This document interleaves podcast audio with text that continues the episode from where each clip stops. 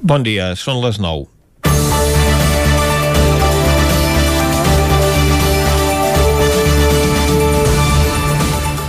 Es van coneixent més detalls al Pla de Recuperació, Transformació i Resiliència, que és com ha anomenat el govern espanyol el document que ha tramès a Brussel·les, a canvi de rebre la milionada de fons europeus Next Generation. Primer va transcendir a través d'un diari que va accedir la informació que es preveia una modificació en la declaració de la renda que eliminava la bonificació, que suposava la tributació conjunta dels matrimonis, i que beneficiava aquelles parelles en què hi havia molta diferència d'ingressos entre un i altre perceptor. La vicepresidenta econòmica, Nadia Calviño, va haver de córrer a desmentir l'evidència davant de la imminència de les eleccions a la Comunitat de Madrid, però això no va evitar una patacada històrica del PSOE. El govern espanyol va insistir que la reforma fiscal és un tema que està en discussió, tot i que evidentment es vol augmentar la recaptació. Un cop celebrades aquestes eleccions també s'han conegut més detalls d'aquest pla de recuperació, com que una altra via per incrementar els ingressos és a través d'implementar el peatge per l'ús d'autovies i autopistes. Si fa uns dies us parlàvem del fi de la concessió dels peatges a les autopistes catalanes de titularitat estatal el 31 d'agost, sense que encara s'hagués concretat cap model de manteniment futur, ara ja sabem que es vol desplegar el que anomenen llei de mobilitat i finançament del transport, que dit ras i curt és que no ens traurem de sobre tan fàcilment els peatges. El que està en discussió és quina serà la fórmula de pagament. La filosofia d'aquesta llei és que es pagui per contaminar en plena situació d'emergència pel canvi climàtic, o que es pagui per usar. I en aquest sentit cal filar molt prim, perquè si es paga per contaminar, se suposa que els vehicles no contaminants no haurien de pagar. Ara bé, els que utilitzen combustibles fòssils, però que paguen amb els impostos que graven el preu del carburant.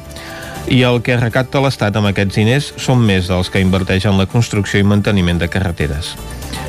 Es calcula que es trigarà entre 2 i 3 anys a crear l'estructura necessària per desenvolupar aquest sistema de pagament a nivell estatal i establir acords amb tots els actors, com associacions de conductors, transportistes i diferents administracions.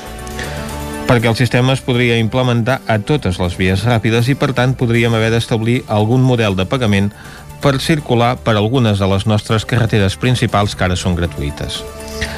També es vol arribar a una entesa amb el sector del transport perquè sigui el propietari de la mercaderia qui assumeixi el cost del peatge per contaminar, com si l'estat espanyol mai li hagués preocupat el foment del transport de mercaderies en tren. Ara, amb els anys d'avantatge que portem els catalans en el pagament de peatges respecte a la resta, gairebé que ens podien aplicar fins a la segona meitat de segle el model alemany, on totes les autopistes són gratuïtes. Comencem Territori 17, a la sintonia del 9 FM, la veu de Sant Joan, Ona Codinenca, Ràdio Cardedeu i el 9 TV. Territori 17, amb Vicenç Vigues i Jordi Sunyer.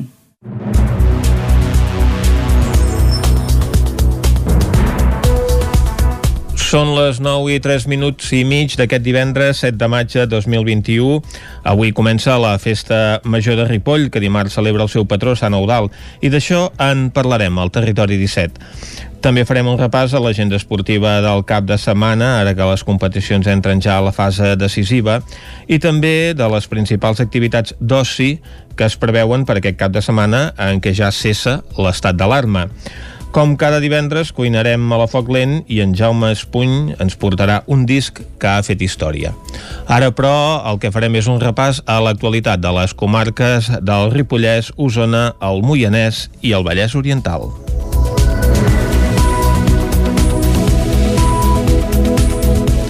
Amadeu Lleopard continuarà sent l'alcalde de Tona fins al final del mandat. Ho va anunciar ahir a la tarda en una compareixença conjunta amb Judit Sardat d'Esquerra a l'Espai Muriel Casals. Amadeu Lleopard d'Aixequem Tona continuarà el seu mandat com a alcalde del municipi i amb el govern de coalició. La continuïtat de l'alcaldia estava a l'aire des que va signar l'acord de govern a l'inici del mandat perquè s'havia acordat valorar-ho a la meitat de l'exercici entre tots els membres de govern. Ahir van compareixer conjuntament els regidors dels dos grups del govern per anunciar la continuïtat de Lleopard. Judit Sardà és la portaveu d'Esquerra Republicana. I per què? Doncs bàsicament per dos motius. Un és el Covid. El Covid ha afectat a tothom i l'Ajuntament, que som tots, s'ha vist molt afectat. Per això creiem que no cal perdre energia negociant cap canvi. Un altre motiu, i potser el principal encara, creiem en el treball en equip. I l'equip d'alcaldia n'és el màxim exponent. No som dos grups, som set persones que cooperem, no competim. Amadeu Lleopard va explicar que va ser una decisió difícil per ell i que en una situació hipotètica de debat intens a propòsit de l'alcaldia mig mandat hi hagués renunciat per facilitar les coses. Per això va necessitar uns dies per pensar en la seva continuïtat. Amadeu Lleopard. Vaig decidir acceptar el canvi de mirada i de pensament, sobretot per dues raons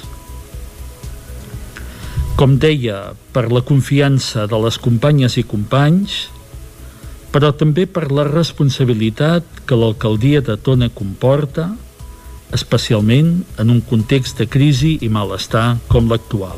Canvi de mirada i de pensament amb tota la il·lusió renovada Aixequem i Esquerra van obtenir 4 i 3 regidores respectivament a les eleccions del 2019, quedant en segona i tercera posició per darrere de Junts. L'acord entre les dues formacions d'Esquerra va permetre desbancar els postconvergents d'una alcaldia que els darrers anys havia ostentat Josep Salom.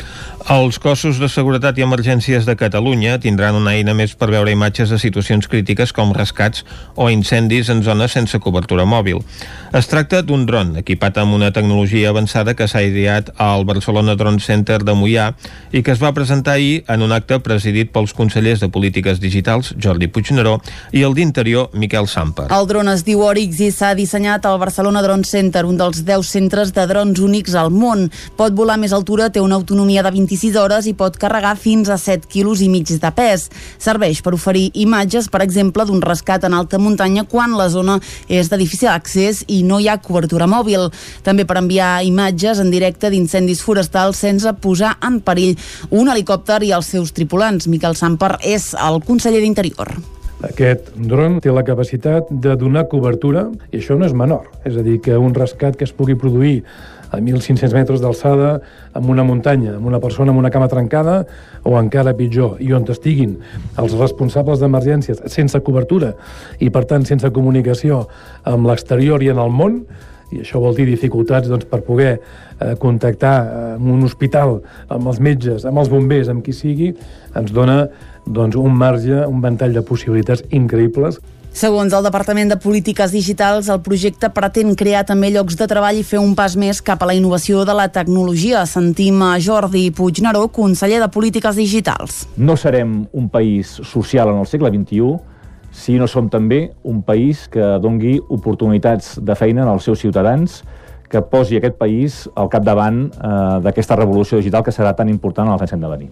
Per tant, projectes com el d'avui, iniciatives com el d'avui, ens ajuden en aquests dos eh, propòsits a ser més competitius en molts àmbits, a millorar els serveis que prestem de cara a la ciutadania i a generar també un ecosistema digital important el centre està treballant perquè el dron pugui incorporar també intel·ligència artificial perquè identifiqui objectes, persones o vehicles i enviï imatges amb 5G.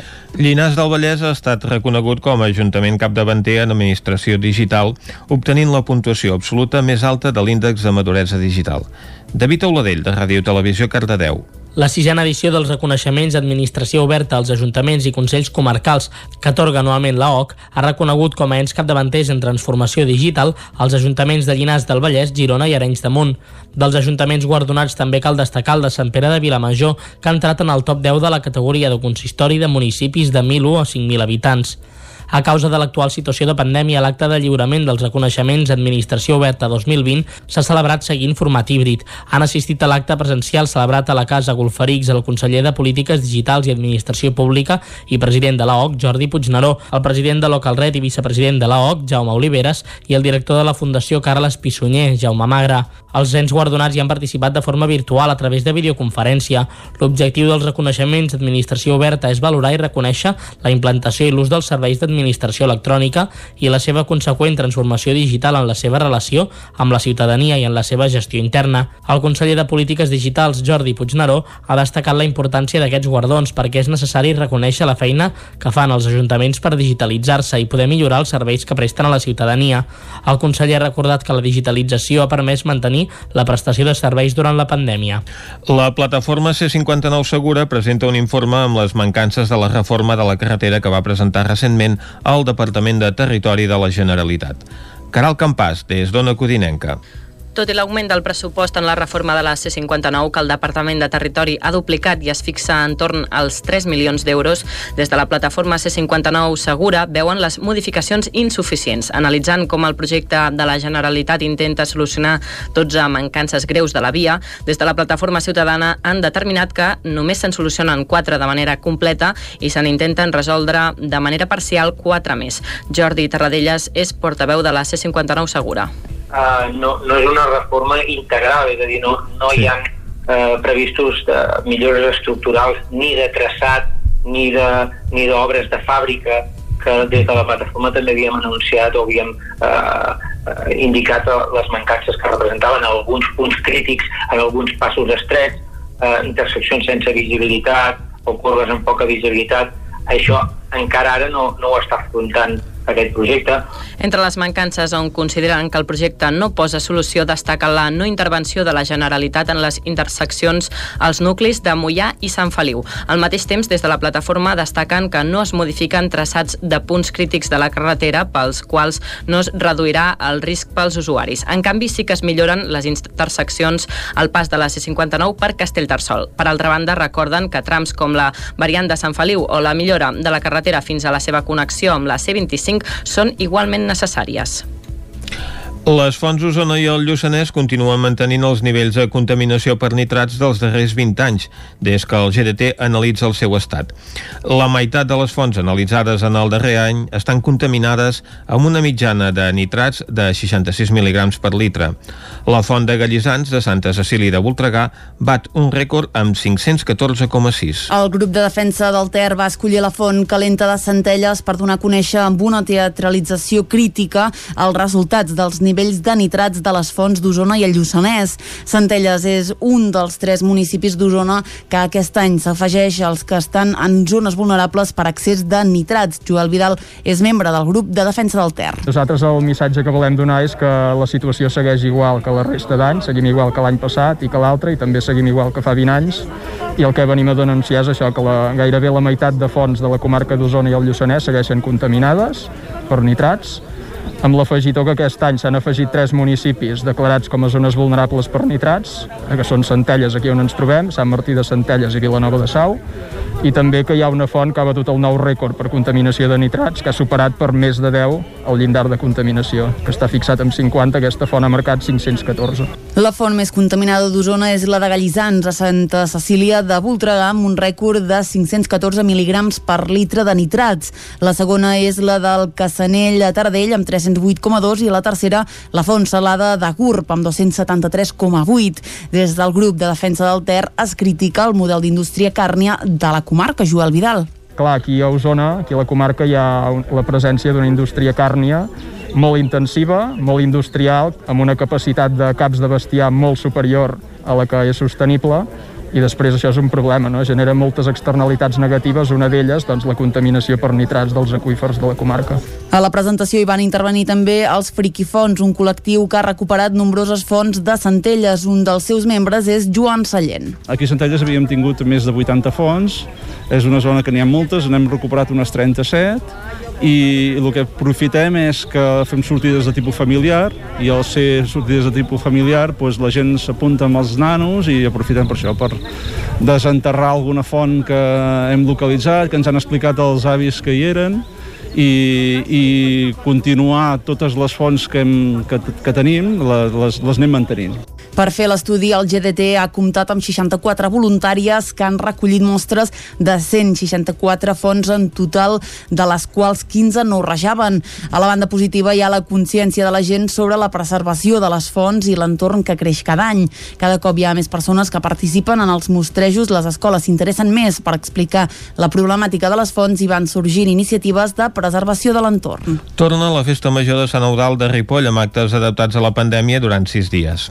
Isaac Muntades, des de la veu de Sant Joan. L'any passat, la pandèmia de la Covid-19 va obligar a suspendre la Festa Major de Ripoll, però enguany hi haurà un gran ventall d'actes per celebrar aquest Sant Eudal 2021. La Comissió de Festes i l'Ajuntament de Ripoll han dissenyat una festivitat de 6 dies, del 7 al 12 de maig, amb activitats adaptades a la situació sanitària. Dues de les grans novetats d'enguany són el joc de l'assassí de Ripoll i un escape room. El primer joc es durà a terme del 7 al 12 de maig pels carrers de la vila, mentre que el dilluns a la tarda i pel centre de Ripoll hi haurà un escape room. La trama tracta sobre una bomba que s'ha trobat a la plaça del monestir i que s'ha de desactivar abans de 40 minuts tot desxifrant enigmes, resolent proves i seguint pistes, tot en grups màxims de 6 persones. Hi ha un seguit d'actes que caldrà reservar entrada prèviament, però que són gratuïts. Senzillament es fa així per tal de controlar l'aforament i la separació entre els assistents. Això passa amb l'obra de teatre del cicle Íntims, el concert dels superherois pop per xics, que és un dels plats forts pels més menuts el dissabte a les 12 del migdia a la plaça Bat Oliva, el concert de Marcel i Júlia, el de l'Orquestra La Salvatana o les habaneres amb el grup Portbó. A banda de les apostes culturals, també es mantenen els actes més tradicionals com la missa i novena de Santa Eudal, el pregó, que enguany anirà a càrrec de la sanitària de l'Hospital de Can Davant, el Núria Jiménez, els versots i la traca dels diables, la tirada social al plat, un concert de sardanes, l'ofici solemne amb la benedicció del cotó i els cants dels goig o els focs artificials, que en aquesta ocasió es podran veure des de diversos punts de la vila. Per tal d'ajudar a l'hostaleria, la restauració i el comerç de la vila, des de la Comi i el consistori, han apostat per dinamitzar l'ambient al centre del municipi amb petits concerts el dissabte, diumenge i dimarts a les places Sant Eudal, Abat Oliva, plaça Gran i a la Lira. Del 14 de maig al 10 de juny, la festa Verdaguer desplegarà una trentena d'actes per recordar la figura del poeta de Folgueroles.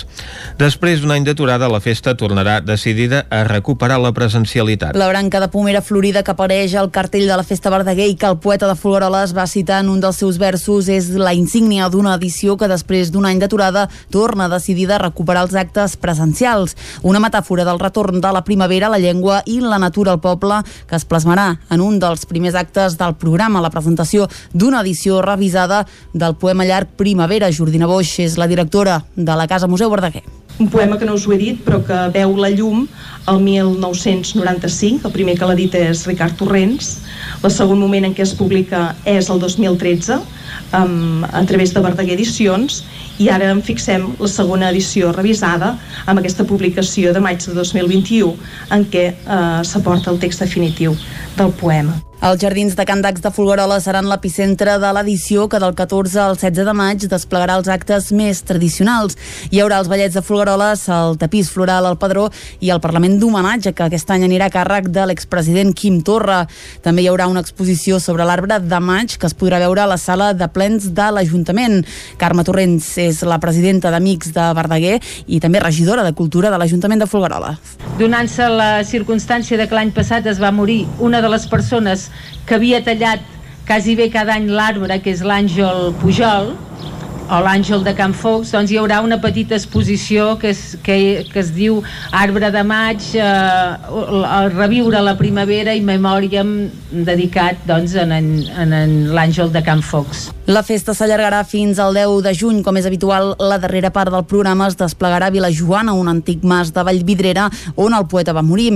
En aquest espai, en el marc de la tercera edició de Musicant Verdaguer, el músic usonenc Arnau Tordera disseccionarà quatre peces del poeta.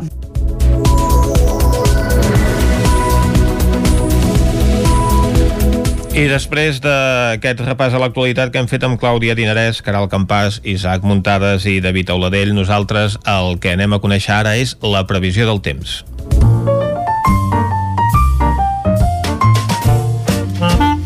Casa Terradellos us ofereix el temps. Estem a les portes d'un cap de setmana. Aquests dies han pujat molt les temperatures, però com us hem comentat, arriba la festa major de Ripoll i per Sant Eudal sempre plou, o sigui que anem a sortir de dubtes i a veure què és el que ens explica en Pep Acosta. Bon dia, Pep. Hola, molt bon dia. Què Benvinguts. Tal? A l'espai del temps d'aquest divendres vam tornar a tenir un dia bastant càlid, temperatures uns 25 graus en molts pobles i ciutats, molt de sol, i altre cop quatre núvols cap al Pirineu, quatre nuvolades que van deixar quatre gotes, eh, mai més ben dit. Anem pel temps d'avui, que ja ens veiem unes temperatures molt suaus, ja superen els 10 graus en moltes zones, han baixat poc, i és que tenim aquesta bombolla d'aire càlida, aquests pens de sud, que els tenim a sobre nostra. Per què tenim aquests pens de sud? Doncs perquè hi ha una potent pertorbació a l'oest de la península, Uh, li han posat nom perquè pot tenir un impacte bastant fort. Mathieu, es diu Mathieu, i uh, abans de que vingui ens aporta aquests vents de sud que fa que la temperatura es dispari. Però aquesta nit, aquesta tarda més ben dit, hi haurà una mica de canvi. Uh, -huh. els vents bufaran més de mar i això alimentaran els núvols. I aquesta tarda podem tenir alguna petita tempesta cap al Pirineu i també cap a Osona, més intenses i més extenses que els últims dies. Quantitats entre 5 i 10 litres, eh, poca cosa, eh? Poca cosa. Demà tenim un dia molt assolellat i amb unes temperatures de 26, 27, 28 graus Carai. en algun de les zones més càlides, sobretot de la plana de Vic, eh? eh valors molt elevats per l'època de l'any. La nit tampoc no serà gens freda, una mica fresca, els jocs més, més freds a les nostres comarques, però bueno, molt, molt, molt poc freda, eh? Dia molt càlid demà, el dia més càlid de la setmana, i amb molt poc moviment meteorològic. I diumenge, després de la nit de, de dissabte diumenge, que és la nit que s'acaba l'estat d'alarma i que això serà estampida, una estampida autèntica, doncs diumenge hi haurà molta més eh, variabilitat. Per què? Perquè aquest front, el matí, aquesta perturbació, té un front associat i es anirà costant cada vegada més i ja la tarda, nit, matinada de diumenge ens afectarà.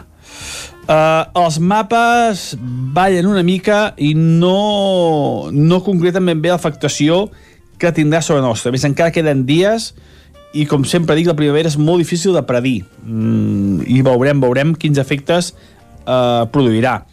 El que està clar és que diumenge tenim molts més núvols, la temperatura no serà tan alta i crec, crec que la matinada de diumenge dilluns pot ser especialment eh, moguda i pot haver-hi tempestes importants. Eh, però ja dic, eh, això està ballant molt i veurem, veurem què acaba passant. Que està clar, de moment està, està clar això que deia abans, eh? més núvols i una baixada de temperatures diumenge per aquesta pertorbació que ens afectarà però el nivell d'afectació encara està molt, molt a l'aire i veurem què, què acaba passant. I això és tot, a disfrutar el dia, a disfrutar el cap de setmana i a disfrutar també de, del final d'aquest estat d'alarma que ja dic abans que això serà una estampida en, en tota regla. Moltes gràcies i recordeu, avui tempestes cap a les zones de muntanya, demà el dia més càlid i tranquil del cap de setmana, temperatures pròximes als 100 graus en alguna zona, i diumenge aquesta pertorbació matier ens començarà a afectar i veurem quins efectes pot produir. Eh, de moment sembla que seran tempestes, sobretot la nit de diumenge a dilluns. Però és que els mapes estan molt, molt variables i dilluns ho acabem d'afinar tot plegat. Moltes gràcies, bon cap de setmana. Molt bé, moltes gràcies, Pep. Nosaltres anem ara cap al quiosc. Casa Tarradellas us ha ofert aquest espai. És hora de repassar els titulars a la premsa, Clàudia. Comencem amb el 9-9. Molt bon dia de nou. Comencem amb l'edició concretament del Vallès Oriental que diu optimisme per remuntar la coronacrisi entre els botiguers i els restauradors. Mollet i la Garriga registren més noves obertures de comerços que no pas tancaments el darrer any. A la imatge, més control als dels patinets. La policia local de les franqueses s'afegeix a la pressió contra els conductors incívics i el primer purificador amb nanofibra mesures contra la Covid. Es fa a Caldes. Anem a l'edició d'Osona i el Ripollès que diu el Consorci Hospitalari de Vic va reduir la llista d'espera el 2020 malgrat la pandèmia.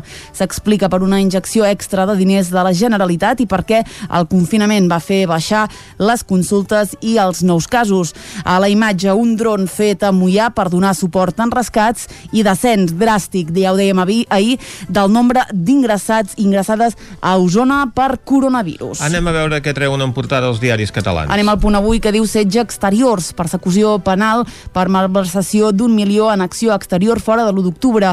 Acusen a Romeva i nou càrrecs del diplocat per accions del 2012 al 2017. A la imatge, la Fiscalia avala les noves restriccions. Barcelona estrena temporada de platges amb control d'aforament i les vacunes lliures de patents divideixen la Unió Europea.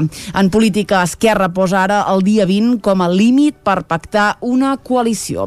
Anem al diari Ara que diu la Unió Europea també s'obre a alliberar les patents. La iniciativa de l'Índia i Sud-àfrica beneïda per Biden rep el suport tant d'Europa com de Rússia. Avui entrevistant a Salvador Illa, líder del PSC, que diu el resultat de les eleccions a Madrid ni allunya ni acosta als indults. L'ofensiva judicial, canviem de tema, contra l'acció exterior del govern, arriba a la via penal. Anem al periòdico que diu els Estats Units i la Unió Europea s'obren a alliberar les vacunes. La proposta de Biden de desbloquejar patents busca impulsar la immunitat global. La Porta demana jugar a Montjuïc per accelerar l'espai Barça i el govern planeja allargar els ERTOs de la Covid fins a finals d'estiu. Anem a l'avantguàrdia que diu Sánchez força una crisi al PSOE de Madrid i Gabilondo renuncia. A Espanya dona suport a la suspensió de patents de vacunes, a què suposa Alemanya, i el Barça va reclamar al govern que no exigís aval a la nova Junta. Repassem ràpidament la premsa de Madrid. Anem al país que diu el 4M obre la batalla del poder al Partit Socialista de Madrid i d'Andalusia. El Suprem critica el decret que li obliga a revisar les restriccions i a la imatge el conflicte social s'enquista a Colòmbia. Anem al Mundo, que diu Sánchez admet el seu fracàs, però no variarà el rumb del govern. Susana Díaz precipita el pols el candidat de Ferraz. Les comunitats autònomes, diu, disposen de milers de vacunes d'AstraZeneca emmagatzemades sense fer servir i els peatges del govern alarmen els transportistes que diuen que s'encariran els aliments. Anem a la raó que diu Díaz s'aferra a la derrota de Sánchez per resistir. El Suprem critica el pla del govern sense estat d'alarma i Brussel·les dona suport a alliberar les patents arrastrada pel president dels Estats Units, Joe Biden. Acabem, com sempre, amb l'ABC que diu la derrota del PSOE tensiona el partit Andalusia i Madrid. Susana Díaz, aquí veiem mala imatge, s'enfrontarà al candidat de Sánchez en les primàries andaluses. I per acabar, Vanessa Lillo, que també apareix a la imatge, carrega contra Podemos, el 4M, i revela la guerra interna. El nou FM, la ràdio de casa, al 92.8. Mudances a la carta. Som especialistes en muntatge i desmuntatge de mobles. Oferim servei de guardamobles i fem mudances a tot el territori. Trasllats de pianos i peces delicades i també fem embalatge i protegim. Mudances a la carta. Serveis adaptats a cada client. Ens trobaràs al telèfon 605 04 34 75. El Sabater. Reparació de calçat al moment i còpies de claus de seguretat i de cotxe. Esmolem tisores i ganivets, cosim pell i cremalleres, arreglem articles d'alpinisme i canviem soles de botes i sabates de muntanya i running. El Sabater. Som a la plaça Cris Rei número 1, al costat de l'església de Dalt Vila, de Manlleu. Telèfon 677 45 46 01. Amb Pradell estalvio energia i cuido la meva butxaca i el medi ambient. Posa't en mans de Pradell. Són experts en calderes de gas i condensació, estufes de pèl·let, energia solar, terres radiants, geotèrmia i aerotèrmia. Pradell instal·la calderes de biomassa per a particulars i per a empreses. Si vols estalviar un 50% en consum, contacta amb Pradell i passa't a les energies renovables. Pradell, som a l'Avinguda Països Catalans 27 de Vic. Telèfon 93 885 11 97. Pradell.cat. Anuncia't al 9FM. La màquina de casa. 9 3 8 8 9 4 9 4 9. Publicitat arroba al 9FM.cat. Anuncia't al 9FM. La publicitat més eficaç. Aquesta primavera, per estar bé a casa, vine a Mobles Verdolet. Sofàs, sales d'estudi, dormitoris, menjadors i molt més. Mobles fets a mida. Mobles Verdolet. Ens trobareu al carrer Morgades 14 de Vic i al carrer Nou 44 de Torelló i també a moblesverdolet.com. Ecoví, la vinoteca d'Osona.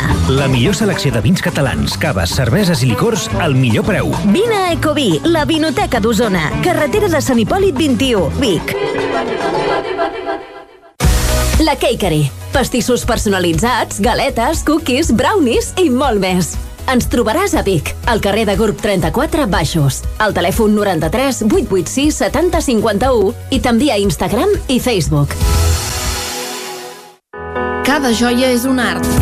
Joier J. Garcia, taller propi de joieria i rellotgeria. Joies úniques, peces artesanals, dissenys exclusius i personalitzats, rellotges, anells, braçalets i molt més. Joier J. Garcia, ens trobaràs a la Rambla de Vallada 6 i a la carretera de la Guixa 10 de Vic i a Tona, al carrer Barcelona número 17. També a Instagram i a jgarciajoyer.com.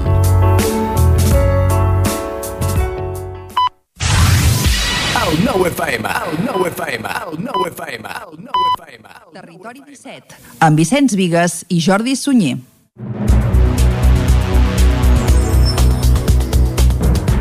Són eh, dos quarts de deu, això és el Territori 17, a la sintonia d'Ona Corinenca, Ràdio Cardedeu, la veu de Sant Joan i el nou FM. Aquest cap de setmana, com us hem explicat, S'acaba l'estat d'alarma demà a la mitjanit. A Ripoll estan en plena celebració de la Festa Major que comença avui i d'això en parlarem en el programa d'avui amb el tècnic de Cultura de l'Ajuntament, en Joan Colomer, però ens queden encara moltes coses per fer. Ens queda anar a la cuina a la foc lent, esperem la visita d'en Jaume Espuny que ens portarà un clàssic musical.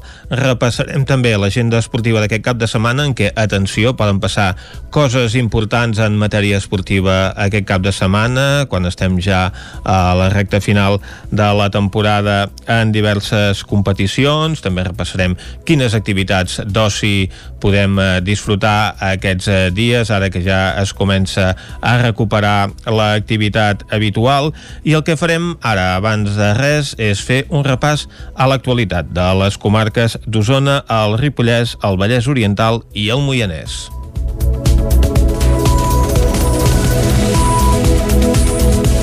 Amadeu Lleopard continuarà sent l'alcalde de Tona fins al final del mandat.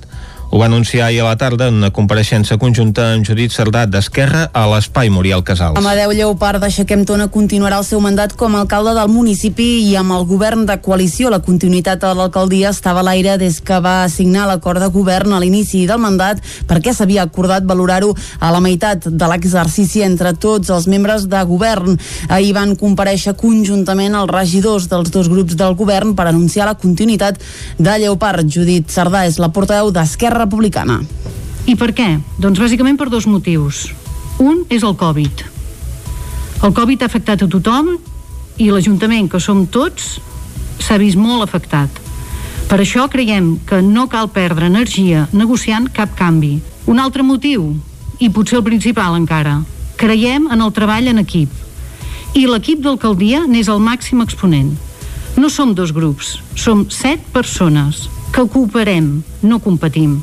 Amadeu Lleopard va explicar que va ser una decisió difícil per ell i que en una situació hipotètica de debat intens a propòsit de l'alcaldia mig mandat hi hagués renunciat per facilitar les coses. Per això va necessitar uns dies per pensar en la seva continuïtat. Amadeu Lleopard. Vaig decidir acceptar el canvi de mirada i de pensament sobretot per dues raons com deia, per la confiança de les companyes i companys, però també per la responsabilitat que l'alcaldia de Tona comporta, especialment en un context de crisi i malestar com l'actual. Canvi de mirada i de pensament amb tota la il·lusió renovada Aixequem i Esquerra van obtenir 4 i 3 regidores respectivament a les eleccions del 2019, quedant en segona i tercera posició per darrere de Junts. L'acord entre les dues formacions d'Esquerra va permetre desbancar els postconvergents d'una alcaldia que els darrers anys havia ostentat Josep Salom. Els cossos de seguretat i emergències de Catalunya tindran una eina més per veure imatges de situacions crítiques com rescats o incendis en zones sense cobertura mòbil. Es tracta d'un dron equipat amb una tecnologia avançada que s'ha ideat al Barcelona Drone Center de Mollà i que es va presentar ahir en un acte presidit pels consellers de Polítiques Digitals, Jordi Puigneró, i el d'Interior, Miquel Samper. El dron es diu Orix i s'ha dissenyat al Barcelona Drone Center, un dels 10 centres de drons únics al món. Pot volar més altura, té una autonomia de 26 hores i pot carregar fins a 7 quilos i mig de pes. Serveix per oferir imatges, per exemple, d'un rescat en alta muntanya quan la zona és de difícil accés i no hi ha cobertura mòbil. També per enviar imatges en directe d'incendis forestals sense posar en perill un helicòpter i els seus tripulants. Miquel Samper és el conseller d'Interior. Aquest dron té la capacitat de donar cobertura, i això no és menor. És a dir, que un rescat que es pugui produir a 1.500 metres d'alçada, amb una muntanya, amb una persona amb una cama trencada, o encara pitjor, i on estiguin els responsables d'emergències sense cobertura i, per tant, sense comunicació amb l'exterior i en el món, i això vol dir dificultats doncs, per poder eh, contactar eh, amb un hospital, amb els metges, amb els bombers, amb qui sigui, ens dona doncs, un marge, un ventall de possibilitats increïbles. Segons el Departament de Polítiques Digitals, el projecte pretén crear també llocs de treball i fer un pas més cap a la innovació de la tecnologia. Sentim a Jordi Puigneró, conseller de Polítiques Digitals. No serem un país social en el segle XXI si no som també un país que dongui oportunitats de feina als seus ciutadans, que posi aquest país al capdavant eh, d'aquesta revolució digital que serà tan important en els anys que han de venir. Per tant, projectes com el d'avui, iniciatives com el d'avui, ens ajuden en aquests dos eh, propòsits. A ser més competitius en molts àmbits, a millorar els serveis que prestem de cara a la ciutadania i a generar també un ecosistema digital important el centre està treballant perquè el dron pugui incorporar també intel·ligència artificial perquè identifiqui objectes, persones o vehicles i enviï imatges amb 5G. Llinars del Vallès ha estat reconegut com a Ajuntament capdavanter en Administració Digital, obtenint la puntuació absoluta més alta de l'índex de maduresa digital. David Auladell, de Ràdio Televisió, Cardedeu. La sisena edició dels reconeixements d'administració oberta als ajuntaments i consells comarcals que atorga anualment la OC ha reconegut com a ens capdavanters en transformació digital els ajuntaments de Llinars del Vallès, Girona i Arenys de Munt. Dels ajuntaments guardonats també cal destacar el de Sant Pere de Vilamajor, que ha entrat en el top 10 de la categoria de consistori de municipis de 1.001 a 5.000 habitants. A causa de l'actual situació de pandèmia, l'acte de lliurament dels reconeixements Administració Oberta 2020 s'ha celebrat seguint format híbrid. Han assistit a l'acte presencial celebrat a la Casa Golferics el conseller de Polítiques Digitals i Administració Pública i president de l'AOC, Jordi Puigneró, el president de Localret i vicepresident de l'AOC, Jaume Oliveres, i el director de la Fundació Carles Pissunyer, Jaume Magra. Els ens guardonats hi han participat de forma virtual a través de videoconferència. L'objectiu dels reconeixements d'administració oberta és valorar i reconèixer la implantació i l'ús dels serveis d'administració electrònica i la seva conseqüent transformació digital en la seva relació amb la ciutadania i en la seva gestió interna. El conseller de Polítiques Digitals, Jordi Puigneró, ha destacat la importància d'aquests guardons perquè és necessari reconèixer la feina que fan els ajuntaments per digitalitzar-se i poder millorar els serveis que presten a la ciutadania. El conseller ha recordat que la digitalització ha permès mantenir la prestació de serveis durant la pandèmia. La plataforma C59 Segura presenta un informe amb les mancances de la reforma de la carretera que va presentar recentment al Departament de Territori de la Generalitat. Caral Campàs, des d'Ona Codinenca. Tot i l'augment del pressupost en la reforma de la C-59 que el Departament de Territori ha duplicat i es fixa en torn als 3 milions d'euros, des de la plataforma C-59 Segura veuen les modificacions insuficients, analitzant com el projecte de la Generalitat intenta solucionar 12 mancances greus de la via, des de la plataforma ciutadana han determinat que només se'n solucionen 4 de manera completa i se n'intenten resoldre de manera parcial 4 més. Jordi Terradellas és portaveu de la C-59 Segura. Uh, no, no és una reforma integral, és a dir, no, no hi ha eh, previstos de millores estructurals ni de traçat ni d'obres de, de fàbrica que des de la plataforma també havíem anunciat o havíem eh, eh, indicat les mancances que representaven alguns punts crítics en alguns passos estrets, eh, interseccions sense visibilitat o curves amb poca visibilitat. Això encara ara no, no ho està afrontant aquest projecte. Entre les mancances on consideren que el projecte no posa solució destaca la no intervenció de la Generalitat en les interseccions als nuclis de Mollà i Sant Feliu. Al mateix temps, des de la plataforma destaquen que no es modifiquen traçats de punts crítics de la carretera pels quals no es reduirà el risc pels usuaris. En canvi, sí que es milloren les interseccions al pas de la C-59 per Castellterçol. Per altra banda, recorden que trams com la variant de Sant Feliu o la millora de la carretera fins a la seva connexió amb la C-25 són igualment necessàries. Les fonts Osona i el Lluçanès continuen mantenint els nivells de contaminació per nitrats dels darrers 20 anys, des que el GDT analitza el seu estat. La meitat de les fonts analitzades en el darrer any estan contaminades amb una mitjana de nitrats de 66 mg per litre. La font de Gallissans de Santa Cecília de Voltregà bat un rècord amb 514,6. El grup de defensa del Ter va escollir la font calenta de Centelles per donar a conèixer amb una teatralització crítica els resultats dels nivells de nitrats de les fonts d'Osona i el Lluçanès.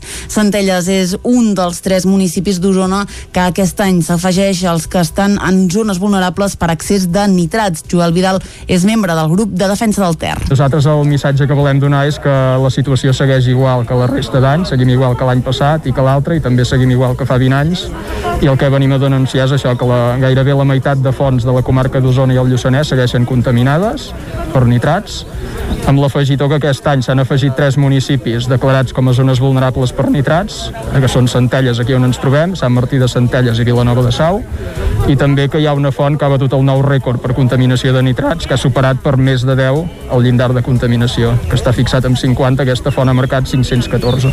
La font més contaminada d'Osona és la de Gallissans, a Santa Cecília de Voltregà, amb un rècord de 514 mil·lígrams per litre de nitrats. La segona és la del Cassanell a Taradell, amb 308,2, i la tercera, la font salada de Gurb, amb 273,8. Des del grup de defensa del Ter es critica el model d'indústria càrnia de la comarca, Joel Vidal clar, aquí a Osona, aquí a la comarca, hi ha la presència d'una indústria càrnia molt intensiva, molt industrial, amb una capacitat de caps de bestiar molt superior a la que és sostenible, i després això és un problema, no? genera moltes externalitats negatives, una d'elles doncs, la contaminació per nitrats dels aqüífers de la comarca. A la presentació hi van intervenir també els Friquifons, un col·lectiu que ha recuperat nombroses fonts de Centelles. Un dels seus membres és Joan Sallent. Aquí a Centelles havíem tingut més de 80 fonts, és una zona que n'hi ha moltes, n'hem recuperat unes 37 i el que aprofitem és que fem sortides de tipus familiar i al ser sortides de tipus familiar doncs la gent s'apunta amb els nanos i aprofitem per això, per desenterrar alguna font que hem localitzat, que ens han explicat els avis que hi eren i, i continuar totes les fonts que, hem, que, que tenim, les, les anem mantenint. Per fer l'estudi, el GDT ha comptat amb 64 voluntàries que han recollit mostres de 164 fonts en total, de les quals 15 no rajaven. A la banda positiva hi ha la consciència de la gent sobre la preservació de les fonts i l'entorn que creix cada any. Cada cop hi ha més persones que participen en els mostrejos, les escoles s'interessen més per explicar la problemàtica de les fonts i van sorgint iniciatives de preservació de l'entorn. Torna la festa major de Sant Eudal de Ripoll amb actes adaptats a la pandèmia durant sis dies.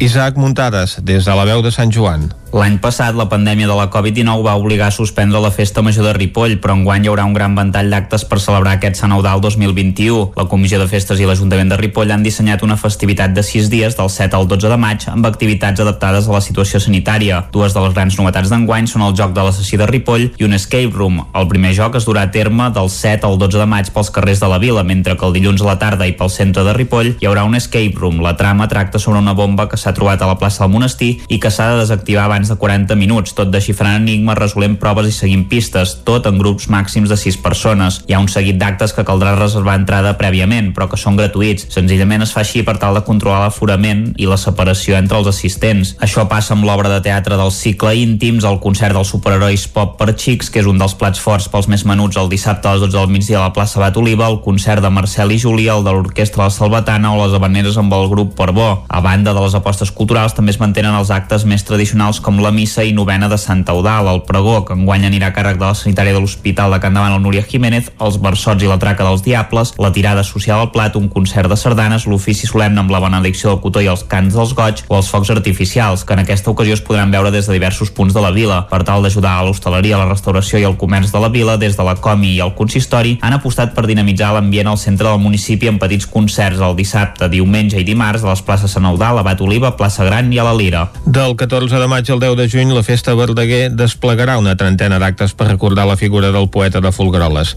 Després d'un any d'aturada, la festa tornarà decidida a recuperar la presencialitat. La branca de pomera florida que apareix al cartell de la Festa Verdaguer i que el poeta de Folgueroles va citar en un dels seus versos és la insígnia d'una edició que després d'un any d'aturada torna decidida a recuperar els actes presencials. Una metàfora del retorn de la primavera, la llengua i la natura al poble que es plasmarà en un dels primers actes del programa, la presentació d'una edició revisada del poema llarg Primavera. Jordina Boix és la directora de la Casa Museu Verdaguer. Un poema que no us ho he dit però que veu la llum el 1995, el primer que l'ha dit és Ricard Torrents el segon moment en què es publica és el 2013 um, a través de Verdaguer Edicions i ara en fixem la segona edició revisada amb aquesta publicació de maig de 2021 en què uh, s'aporta el text definitiu del poema Els jardins de Can Dax de Folgueroles seran l'epicentre de l'edició que del 14 al 16 de maig desplegarà els actes més tradicionals. Hi haurà els ballets de Folgueroles, el tapís floral al Padró i el Parlament d'homenatge que aquest any anirà a càrrec de l'expresident Quim Torra. També hi haurà una exposició sobre l'arbre de maig que es podrà veure a la sala de plens de l'Ajuntament. Carme Torrents és la presidenta d'Amics de Verdaguer i també regidora de Cultura de l'Ajuntament de Folgueroles. Donant-se la circumstància de que l'any passat es va morir una de les persones que havia tallat quasi bé cada any l'arbre, que és l'Àngel Pujol, o l'Àngel de Can Focs, doncs hi haurà una petita exposició que es, que, que es diu Arbre de Maig, eh, a reviure la primavera i memòriam dedicat doncs, en, en, en, l'Àngel de Can Focs. La festa s'allargarà fins al 10 de juny, com és habitual. La darrera part del programa es desplegarà a Vilajoana, un antic mas de Vallvidrera, on el poeta va morir. En aquest espai, en el marc de la tercera edició de Musicant Verdaguer, el músic usonenc Arnau Tordera disseccionarà quatre peces del poeta.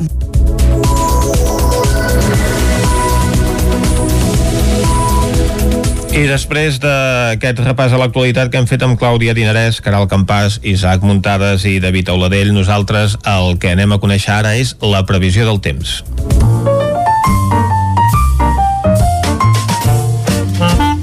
Casa Terradellos us ofereix el temps. Estem a les portes d'un cap de setmana. Aquests dies han pujat molt les temperatures, però com us hem comentat, arriba la festa major de Ripoll i per Sant Eudal sempre plou. O sigui que anem a sortir de dubtes i a veure què és el que ens explica en Pep Acosta. Bon dia, Pep.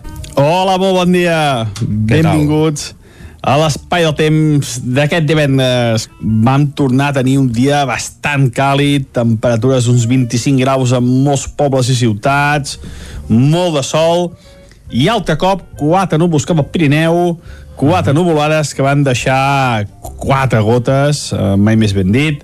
Anem pel temps d'avui, que ja ens veiem unes temperatures molt suaus, ja superen els 10 graus en moltes zones, han baixat poc, i és que tenim aquesta bombolla d'aire càlida, aquests pens de sud, que els tenim a sobre nostra. Per què tenim aquests vents de sud?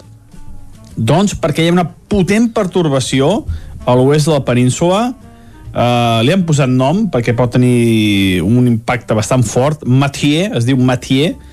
I uh, abans de que vingui ens aporta aquests vents de sud que fa que la temperatura es dispari. Però aquesta nit aquesta tarda més ben dit hi haurà una mica de canvi. Uh, els vents bufaran més de mar i això alimentaran els núvols. I aquesta tarda podem tenir alguna petita tempesta cap al Pirineu i també cap a Osona, més intenses i més extenses que els últims dies. Quantitats entre 5 i 10 litres, eh, poca cosa, eh? Poca cosa. Demà tenim un dia molt assolellat i amb unes temperatures de 26, 27, 28 graus Carai.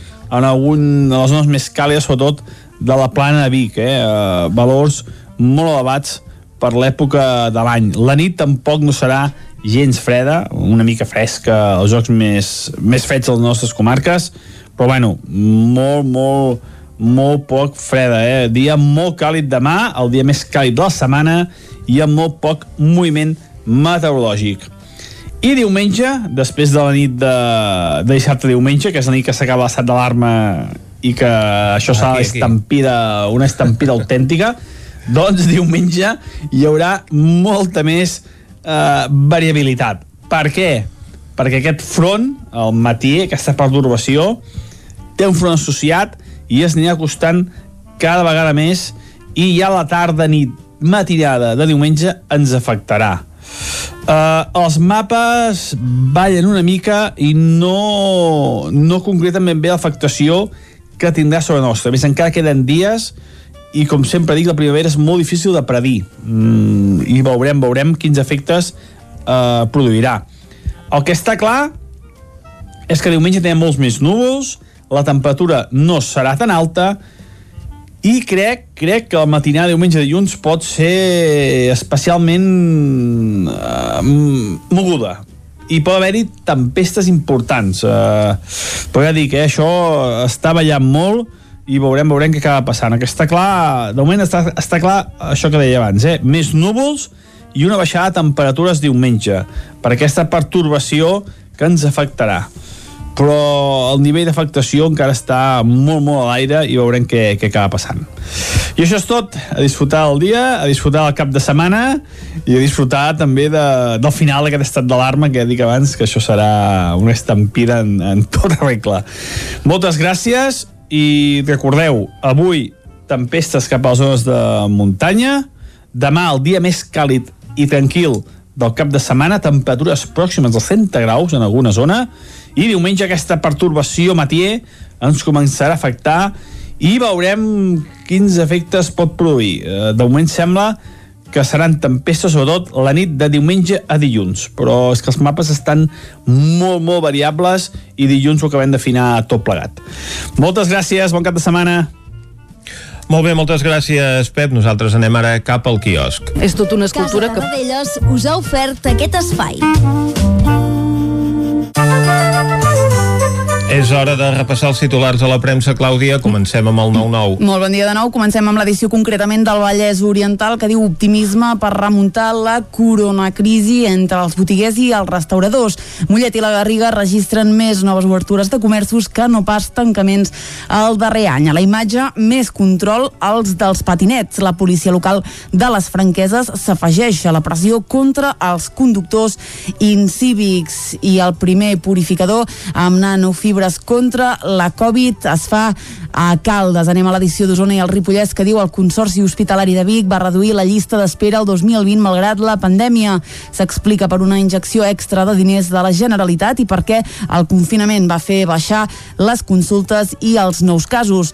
A la imatge, un dron fet a Mollà per donar suport en rescats i descens dràstic, ja ho dèiem ahir, del nombre d'ingressats ingressades a Osona per coronavirus. Anem a veure què treuen en portada els diaris catalans. Anem al punt avui que diu setge exteriors, persecució penal per malversació d'un milió en acció exterior fora de l'1 d'octubre. Acusen a Romeva i nou càrrecs del diplocat per accions del 2012 al 2017. A la imatge, la Fiscalia avala les noves restriccions. Barcelona estrena temporada de platges amb control d'aforament i les vacunes lliures de patents divideixen la Unió Europea. En política, Esquerra posa ara el dia 20 com a límit per pactar una coalició. Anem al diari Ara que diu la Unió Europea també s'obre a alliberar les patents. La iniciativa de l'Índia i Sud-àfrica beneïda per Biden rep el suport tant d'Europa com de Rússia. Avui entrevistant a Salvador Illa, líder del PSC, que diu el resultat de les eleccions a Madrid ni allunya ni acosta als indults. L'ofensiva judicial, canviem de tema, contra l'acció exterior del govern, arriba a la via penal. Anem al periòdico que diu els Estats Units i la Unió Europea s'obren a alliberar les vacunes. La proposta de Biden de desbloquejar patents busca impulsar la immunitat global. La Porta demana jugar a Montjuïc per accelerar l'espai Barça i el govern planeja allargar els ERTOs de la Covid fins a finals d'estiu. Anem a l'avantguàrdia que diu Sánchez força una crisi al PSOE de Madrid i Gabilondo renuncia. A Espanya dona suport a la suspensió de patents de vacunes, a què suposa Alemanya, i el Barça va reclamar al govern que no exigís aval a la nova Junta. Repassem ràpidament la premsa de Madrid. Anem al país que diu el 4M obre la batalla del poder al Partit Socialista de Madrid i d'Andalusia. El Suprem critica el decret que li obliga a revisar les restriccions i a la imatge el conflicte social s'enquista a Colòmbia. Anem al Mundo que diu Sánchez admet el seu fracàs però no variarà el rumb del govern. Susana Díaz precipita el pols el candidat de Ferraz. Les comunitats autònomes, diu, disposen de milers de vacunes d'AstraZeneca emmagatzemades sense fer servir i els peatges del govern alarmen els transportistes que diuen que s'encariran els aliments. Anem a la raó que diu Díaz s'aferra a la derrota de Sánchez per resistir. El Suprem critica el pla del govern sense estat d'alarma i Brussel·les dona suport a alliberar les patents arrastrada pel president dels Estats Units, Joe Biden. Biden. Acabem, com sempre, amb l'ABC que diu la derrota del PSOE tensiona el partit Andalusia i Madrid. Susana Díaz, aquí veiem mala imatge, s'enfrontarà al candidat de Sánchez en les primàries andaluses. I per acabar, Vanessa Lillo, que també apareix a la imatge, carrega contra Podemos el 4M i revela la guerra interna. La premsa de Madrid que continua furgant en la ferida del PSOE després d'aquests mals resultats a les eleccions a l'Assemblea de Madrid. El País s'hi refereix en el seu titular principal de portada, però no hi dedica la fotografia, sinó que la fotografia de portada va referir d'aquestes protestes que hi ha per les reformes tributàries a Colòmbia. En canvi, a la resta de diaris de Madrid sí que veiem eh, fotografies doncs, de la que va ser presidenta de la Junta d'Andalusia, Susana Díaz, que doncs, es presentarà a les primàries que s'han convocat al PSOE d'Andalusia, també al PSOE de Madrid es convoquen eh, primàries, la Razón opta per una imatge de Pedro Sánchez, ahir a l'executiva federal del PSOE, també és la mateixa fotografia de la portada de La Vanguardia, que també obre el diari d'avui amb aquest eh, tema de la situació al PSOE. Ahir ahir dedicava la seva portada a la situació a Ciudadanos perquè curiosament el partit que realment doncs ha patit una patacada molt més grossa que el PSOE en aquestes eleccions és Ciudadanos que ha desaparegut de l'Assemblea de Madrid i malgrat aquesta situació que deixa aquest partit en una situació pràcticament residual doncs la premsa madrilenya no s'hi refereix. I a Catalunya alguns diaris van recollint el que ahir ja ja treia a la seva portada el diari Ara, aquesta eh, anunci que va fer Joe Biden de demanar que s'alliberessin les patents del vaccí de la Covid, a la qual ahir doncs, eh, s'hi va sumar també la presidenta de la Unió Europea a aquesta petició. És algun dels temes doncs, que també surt a la portada dels diaris d'avui. El punt avui, però, eh, centra la seva portada en aquesta persecució judicial al Departament d'Exteriors per malversació arran de l'1 d'octubre i veiem una fotografia de la platja de Barcelona amb aquests eh, vigilants doncs, que controlen l'aforament i la conducta de la gent que va a prendre el sol a la platja. Després d'aquest repàs a la premsa d'avui, nosaltres el que fem ara és obrir el bloc musical del programa i avui el que volem portar-vos doncs és la música de la bellesana Luz Royce perquè eh, aquesta artista és la protagonista aquest diumenge del primer concert del cicle de concerts a la gespa al castell de Montesquieu, en aquest marc incomparable on l'any passat doncs, no es va poder celebrar el festival musical per culpa de la Covid. Aquesta setmana doncs, es recupera aquest festival i aquest primer concert serà aquest diumenge a les 12 del migdia i Luz Royce hi presentarà les peces del seu darrer disc, Microcosmos. Escoltem una peça d'aquest disc, L'univers als teus ulls. Amb ell arribarem fins a les 10. Chamada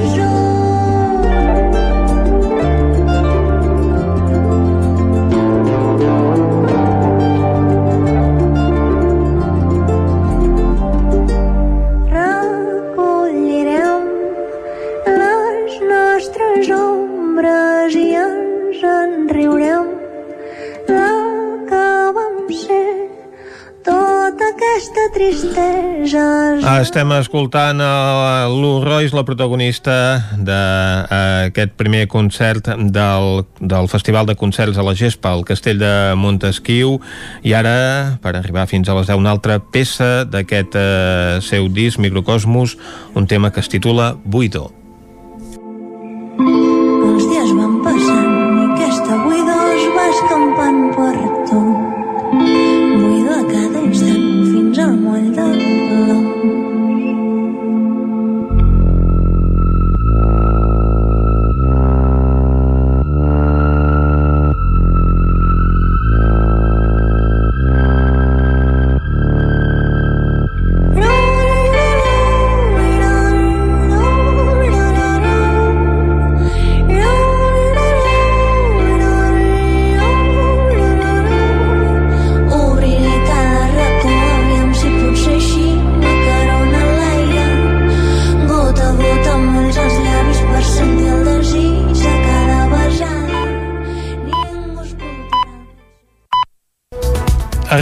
Aquest moment al territori 17 farem un repàs de l'actualitat de les comarques del Moianès, el Ripollès, Osona i el Vallès Oriental.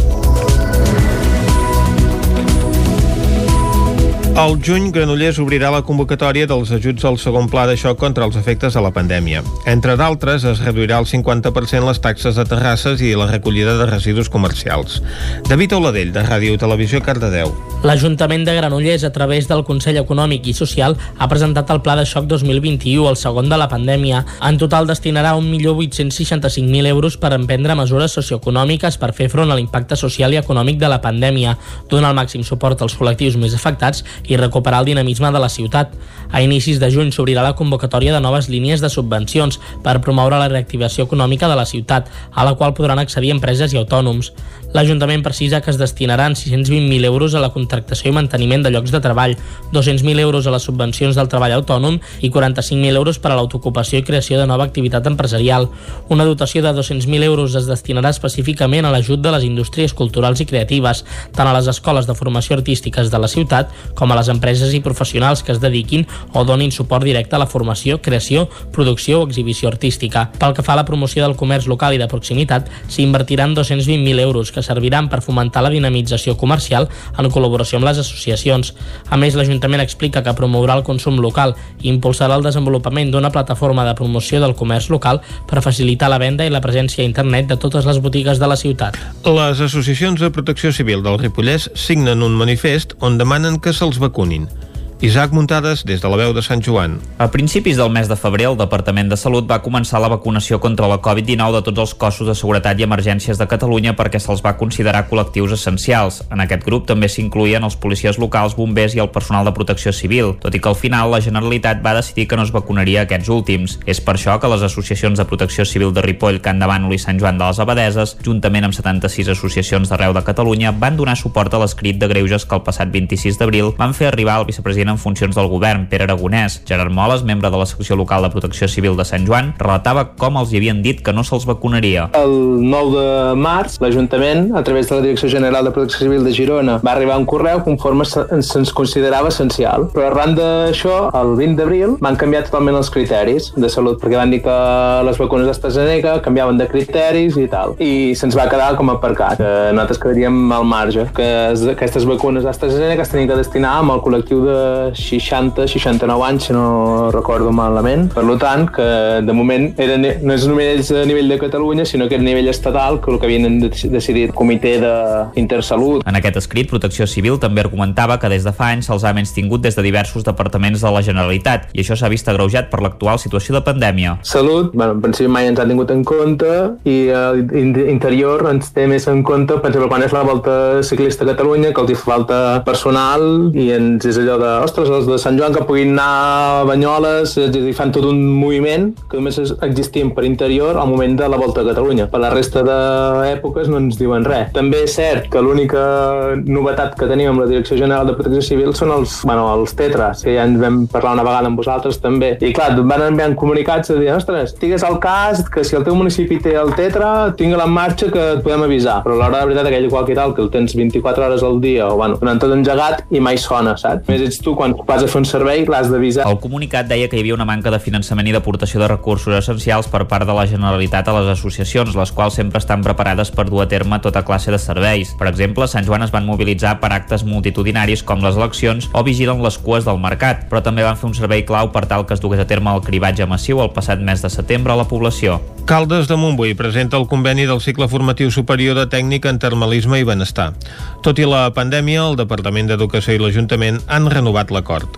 Caral Campàs, des d'Ona Codinenca. La nova oferta educativa de formació professional en termalisme, iniciada aquest curs a l'Institut Manolo Hugué de Caldes, podrà tenir continuïtat l'any vinent. Així ho ha formalitzat el conveni signat entre l'Ajuntament, la Generalitat, l'Associació Balneària i l'Institut. Josep Bargalló, conseller d'Educació, ha explicat en la presentació que un dels seus objectius és promoure estudis que responguin a les necessitats territorials. però que no necessiten de molts alumnes, sinó que necessiten del nombre d'alumnes que el sector concret demana i que sempre és un sector que té una arrel territorial i que per tant que l'hem de fer en aquell territori.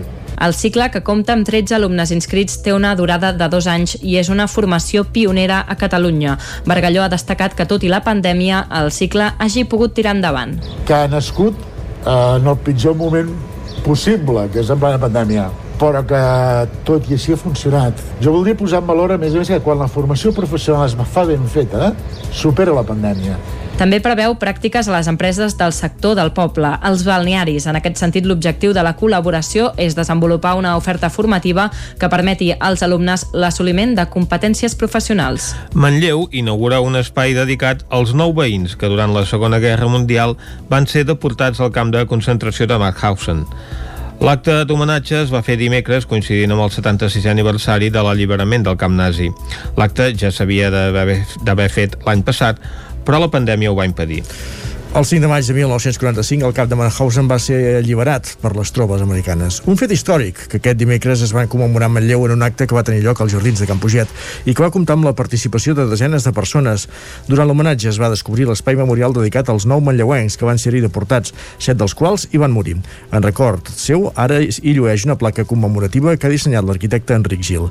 Eva Font és la regidora de Cultura de l'Ajuntament de Manlleu. És tota una escultura que forma, bueno, hi ha una placa commemorativa i llavors hi ha uns barrots que simbolitzen, és, és obra de disseny de l'arquitecte municipal, Enric Gil, aquí aprofito per agrair la seva feina, i simbolitza els barrots no, del camp de concentració i, i això, hi ha la placa amb els noms dels nou, de les noves persones, nou persones uh, del camp de concentració nascudes o, o que vivien a Manlleu. L'itinerari que van seguir fins a Mauthausen ha estat objecte d'un laboriós estudi impulsat per Ima Domènech i Assumpta Tort. El recullen en un llibre que ha publicat el Museu del Ter. Escoltem la historiadora Assumpta Tort. Va començar després de l'exposició del No se'n parlava sobre els represaliats del franquisme, quan ens vam adonar que hi havia la història d'uns quants manlleuencs que després de la Guerra Civil van marxar a França i llavors allà van anar a parar, d'allà van anar a parar a Mauthausen. I teníem el testimoni d'alguns i vam pensar que valia la pena de fer la recerca de qui eren aquests manlleuencs, quants eren i què els havia passat i per què havien anat a parar a Mauthausen i quina era la seva, el seu itinerari i la seva història.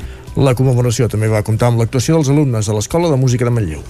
Coincidint amb el desè aniversari de l'Atlàntida de Vic, es va convocar un concurs de fotografia a través d'Instagram i un de dibuix sobre l'edifici del Centre d'Arts Escèniques d'Osona. Els premis es van entregar dijous passat i les obres participants estan exposades al bar de l'Atlàntida. Ferran Blancafort en la categoria de fotografia i Jana Llopart en la de dibuix han estat els guanyadors dels concursos convocats per l'Atlàntida de Vic amb motiu de la celebració del desè aniversari. El concurs de fotografia s'adreçava a Instagramers per publicar les imatges de l'edifici en aquesta mateixa xarxa social i ha tingut com a classificats el, en segon i tercer lloc Marta Prat i Dolors Oms, respectivament. Escoltem el guanyador, Ferran Blancafort. Content de que hagin triat aquesta foto, conscient de que és l'opinió d'un jurat determinat en un dia determinat, que en un altre moment i un altre jurat seria un altre veredicte, però bueno, sempre és eh, una, una alegria que escollin la teva foto com la guanyadora d'un concurs. Pel que fa al dibuix, el concurs es convocava conjuntament amb la farinera i a part de Llopart es va premiar Andrea Caballero i, Ama i Anaïs Emils. La regidora d'Educació de l'Ajuntament de Vic, Elisabet Franquesa, destacava l'alta participació al concurs. Hi ha, hagut, hi ha hagut molta participació, més de 100 participants a la de fotografia i una setantena en la de dibuix. Molta participació de molt, de molt alt nivell i per tant el jurat ha hagut de pedalar fort i de veure, eh, buscar, buscar elements distintius per destacar algunes obres. És evident que dones els premis però podrien estar premiats eh, molts d'altres artistes de la ciutat. Els premis es van entregar dijous passat al bar de l'Atlàntida on han quedat exposades totes les obres.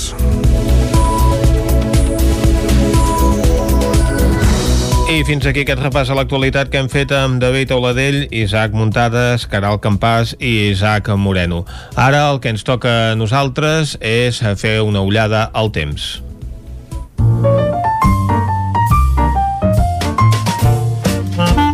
Casa Terradellos us ofereix el temps. El dia s'ha despertat amb molta calor, em sembla que ens haurem de posar màniga curta, però no sé si la màniga curta ens servirà per tot el cap de setmana. Per sortir de dubtes, parlem amb en Pep Acosta. Pep, bon dia. Hola, molt bon dia. Anem pel temps d'avui, que ja ens veiem unes temperatures molt suaus, sí, ja superen els 10 graus en moltes zones, han baixat poc, i és que tenim aquesta bombolla d'aire càlida, aquests pens de sud, que els tenim a sobre nostra. Per què tenim aquests vents de sud?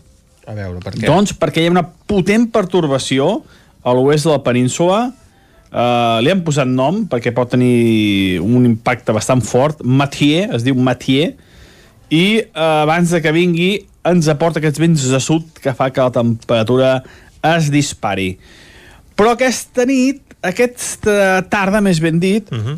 hi haurà una mica de canvi uh, els vents bufaran més de mar i això alimentaran els núvols. I aquesta tarda podem tenir alguna petita tempesta cap al Pirineu i també cap a Osona. Més intenses i més extenses que els últims dies. Quantitats entre 5 i 10 litres, eh, poca cosa, eh? Poca cosa, però sí que una mica més extenses que aquests últims dies. Tindrem més nublades i més núvols. Les temperatures molt suaus una altra vegada el dia d'avui la majoria de les màximes entre els 22 i els 25-26 graus.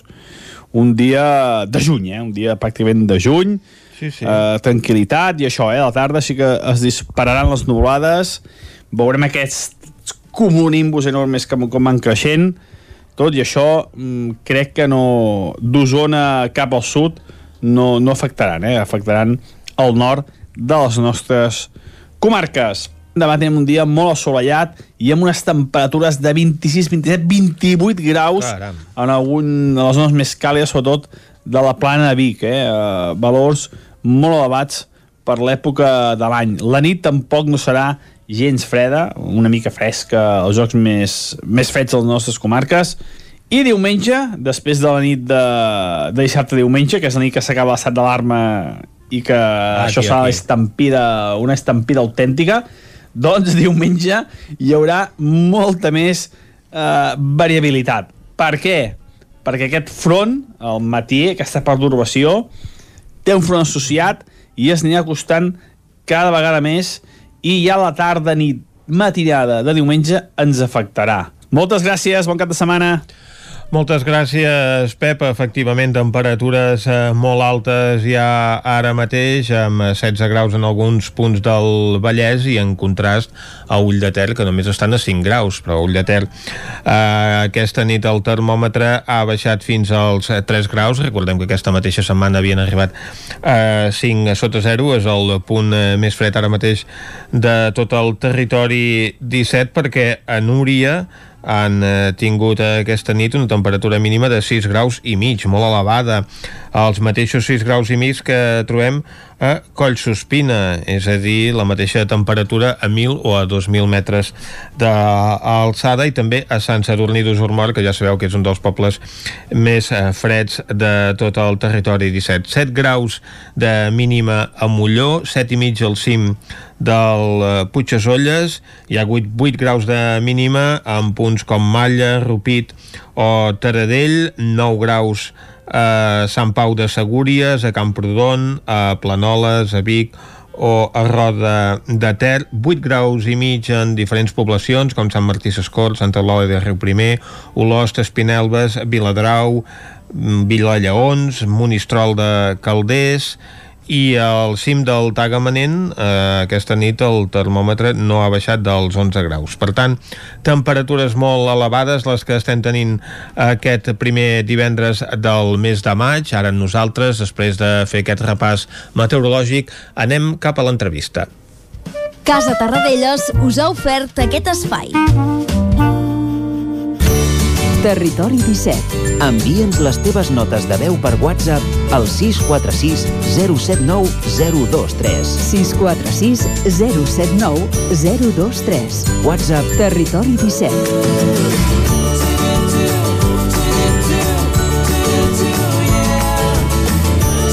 Territori 17. Som a Facebook, Twitter i Instagram amb l'usuari Territori 17.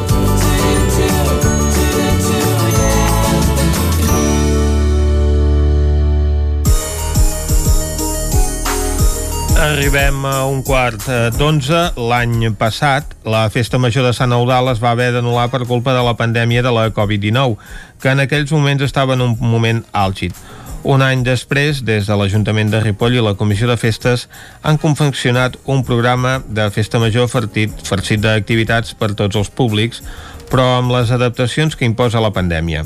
Un Sant Eudal que tindrà sis dies de xerinola des d'aquest divendres fins al pròxim dimecres, dia 12 de maig. Anem cap a la veu de Sant Joan, on ens espera l'Isaac Muntades. Bon dia, Isaac.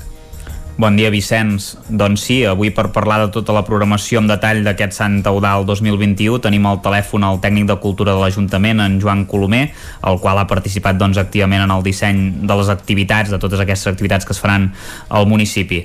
Bon dia i moltes gràcies per atendre, en Joan. Hola, bon dia. Primer de tot, aquesta vegada, tot i les restriccions, el panorama està una mica més clar per l'augment de, del percentatge de vacunació de la població. No sé si s'han pogut programar totes aquelles activitats que volíeu fer i si s'ha arribat a plantejar algun acte més nocturn després de saber doncs, que dissabte queia el toc de queda o, o ja ha set massa just en, en la línia temporal. A veure, nosaltres, eh, quan dic nosaltres, penso més en la comissió de festes, que és la que, la que porta la batuta amb la, amb la, a l'hora de, de confeccionar aquestes activitats de, de Sant Udal, evidentment amb el suport de l'Ajuntament de Ripoll, en aquest cas de l'àrea de cultura i joventut. Uh, una mica, uh, aviam, les activitats no es poden tampoc organitzar d'un dia per l'altre, has de tenir un mínim marge de, de maniobra a l'hora de, de, de contractar la gent, de tenir els espais, de tenir la logística. Aleshores una mica es va dissenyar un, una festa major eh, adaptada a la pandèmia, adaptada a la pandèmia diguem-ne, fa 15 dies, per dir-ho d'una manera, per assegurar que, que encara que anéssim a millor, com a mínim no tiraríem enrere, i llavors tenint en compte una sèrie de temes, ràpid, una mica fer actes diurns, amb mesures, evidentment, a l'aire lliure si es pot, evidentment si algun dia fa mal temps ho hem de, fer un, ho hem de traslladar-lo a, a un lloc obert, però bàsicament a l'aire lliure, que és molt més segur, per tots els públics, trobar elements, eh, espectacles per tothom, també intentar fer-ho al centre del poble per afavorir també un sector que ha estat bastant tocat durant tot aquest temps, que és tot el món de l'hostaleria, els bars i el comerç. Eh, ens semblava que de ben bo donar-los un cop de mà directament. I per altra banda també a treballar eh, bastant amb, amb grups i músiques i de i d'activitats de quilòmetre zero, quilòmetre zero vull dir propers, o gent que, que, que hi treballem habitualment i que potser en algun moment no s'ha pogut fer activitats que s'han hagut de suspendre per al tema de pandèmia, i com a últim tema també tenir en compte les entitats, tot i que en aquest cas moltes entitats tampoc han, han volgut o han pogut fer algunes de les activitats habituals perquè no són gaire recomanables. No? Tot i això, hi ha algunes entitats que sí que participen directament en aquesta festa. Mm. Si et sembla bé, Joan, comencem explicant algunes de les grans novetats enguany. Una és la del joc de l'assassí de Ripoll. Això en, en què consistirà i com s'hi pot participar? Bueno, a part de les activitats que després ja sortiran, que són poder les més tradicionals o, o clàssiques, de, de concerts, d'infantils o el que sigui, doncs, bueno, el món, el, el, la situació aquesta de pandèmia també eh, ha fet que, que sortissin iniciatives noves o diferents que permeten fer activitats sense, amb seguretat, no? En aquest cas, eh, un és aquesta espècie de, de joc de rol, on, on bueno, eh, el joc transcorre pels carrers del poble, on eh, tothom que s'apunta eh, li donen un objectiu que és assassinar, entre cometes, un altre dels jugadors, no? Evidentment, eh, hi ha, bueno, per, per fer-ho hi ha unes instruccions que es fan durant, es fan el, durant el dia. Comença avui i acaba el dia 12, o sigui, durant tots aquests dies es, es anirà desenvolupant aquest, aquest, aquest uh, joc i l'objectiu és que al final només en quedi un. I la persona que elimina amb, un, amb, una, amb una altra, llavors agafa l'objectiu d'aquest altre i, i l'ha d'eliminar i així successivament fins al final només quedaran dos i, i d'aquests dos un, no? bueno, és una mica... Eh, en aquest cas eh, hi ha gent apuntada però encara hi ha places per, per poder per poder, diguem participar en aquest, en, en aquest joc eh, fins aquesta tarda, que és quan comença oficialment. Mhm. I, i l'altra activitat novedosa és l'escape room eh, previst per dilluns. Eh, no sé en què consisteix en aquest cas. En aquest cas és un escatrer concret, en aquest cas ja, ja us avanço que totes les, les, les entrades, diguem-ne, ulls- això està pensat en- de la següent manera. Hi ha, hi ha una situació que és que hi ha una bomba de fum en un lloc de Ripoll, Ripoll està en perill i s'ha de trobar aquesta bomba a la plaça del monestir i desactivar-la. Això és, eh, tens tre- 40 minuts i et donen una, unes, unes tauletes amb, amb les instruccions. Això està fet per grups, bombolla d'un màxim de 6 persones. I en aquests moments, això, són, això es fa del dilluns a la tarda, de les 3 i mitja fins a les quarts de 9 del vespre, i, i, i, i em sembla que són uns 33 grups que hi queden possibles d'encabir-hi, que, que, bueno, que ja està cobert tot. Tothom està, ja està apuntat tothom, no? Vull dir, tot, tota aquesta gent, que són un prop de 200 persones que faran aquest joc. Un èxit, doncs, aquestes activitats més novedoses, però anem a les més eh, tradicionals. Quines són les més destacades? Bueno, és el que dèiem, no? Hem intentat fer, per una banda, jugar amb el quilòmetre zero i per altra banda també tenir grups o, o alguna orquestra més a, a, a la línia de les festes majors, diguem-ne, tradicionals, no? Mhm. El cap de setmana, el, el dia de la festa, eh, diguem-ne, el patró de Sant és el dia 11, que és un dimarts, Mhm. però al cap de setmana ja fem diverses activitats. El, avui es fa el pregó, el dia, a la tarda, quarts de la tarda, i el dissabte al matí hi ha una activitat eh, infantil potenta, que és el Superherois, Pop per Xics, que és un grup eh, que ve d'aquí dalt, és un grup on ja hi participen eh, músics d'aquí al Ripollès i altres que no són del Ripollès, però bueno, és un grup proper, i a la tarda eh, ja tant, tant aquest dissabte com el dia 11 hi ha tot un seguit de petits concerts de quilòmetre zero al centre del poble, plaça Sant Tudal, plaça Gran, per això que dèiem, per donar ambient al poble i per afavorir el- bueno, l'hostaleria que bàsicament es, es, es, en gran manera es, eh, està ubicada al centre de, de la vila.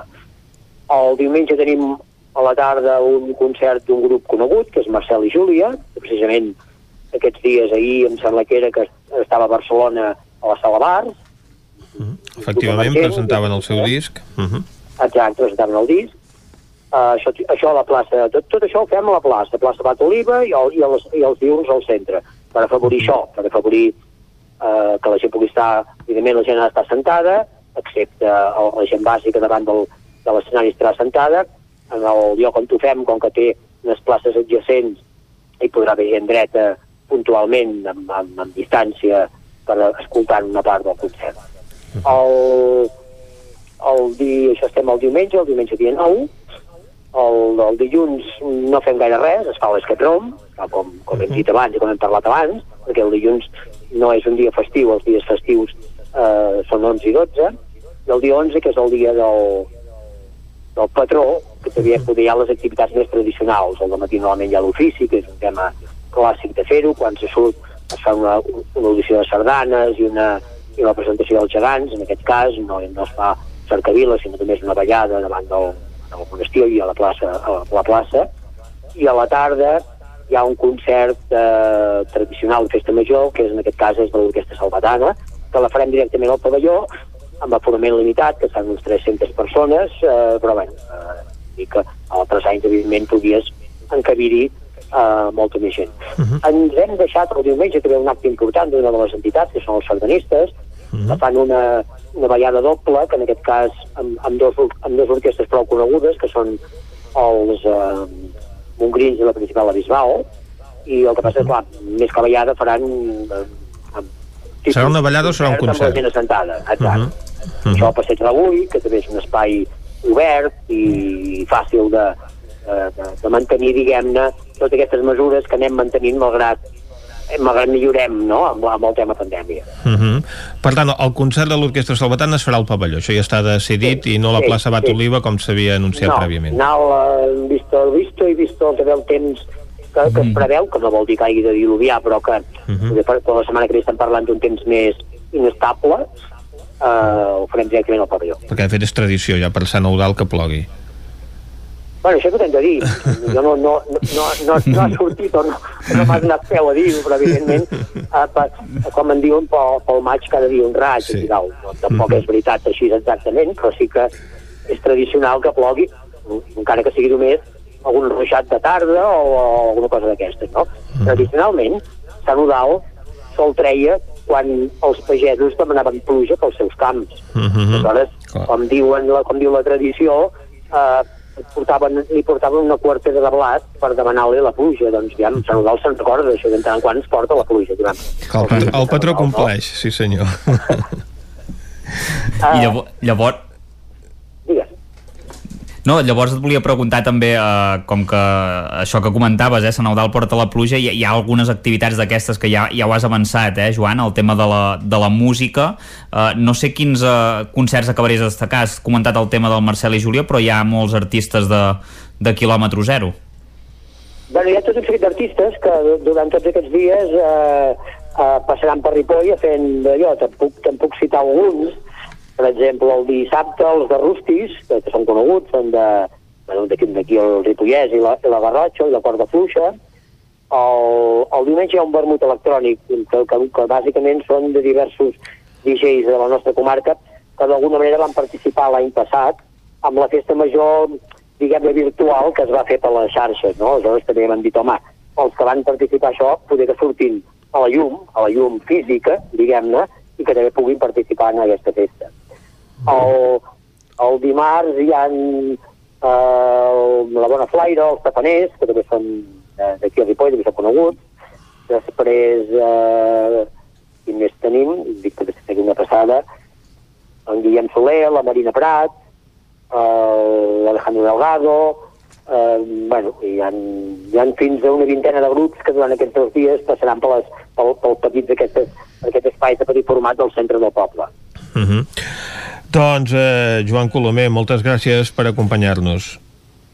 Molt bé, doncs gràcies a vosaltres per donar peu a comentar aquests actes de la, del Sant Eudal 2021. Un Sant Eudal eh, que té doncs, grans formacions eh, en el eh, seu cartell, com Marcel i Júlia, com ara ens comentaven, però també les més tradicionals del nostre país, com les Cobles Orquestra Salvatana, Montgrins, la principal de la Bisbal, que actuaran aquest cap de setmana a Ripoll amb motiu de la seva festa major. I avui n'hem tingut més detalls en companyia del tècnic de cultura de l'Ajuntament. Nosaltres ara al Territori 17 fem una pausa i tornem d'aquí un moment.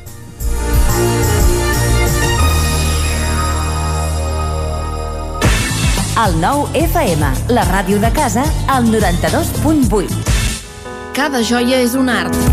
Joier J. Garcia, taller propi de joieria i rellotgeria.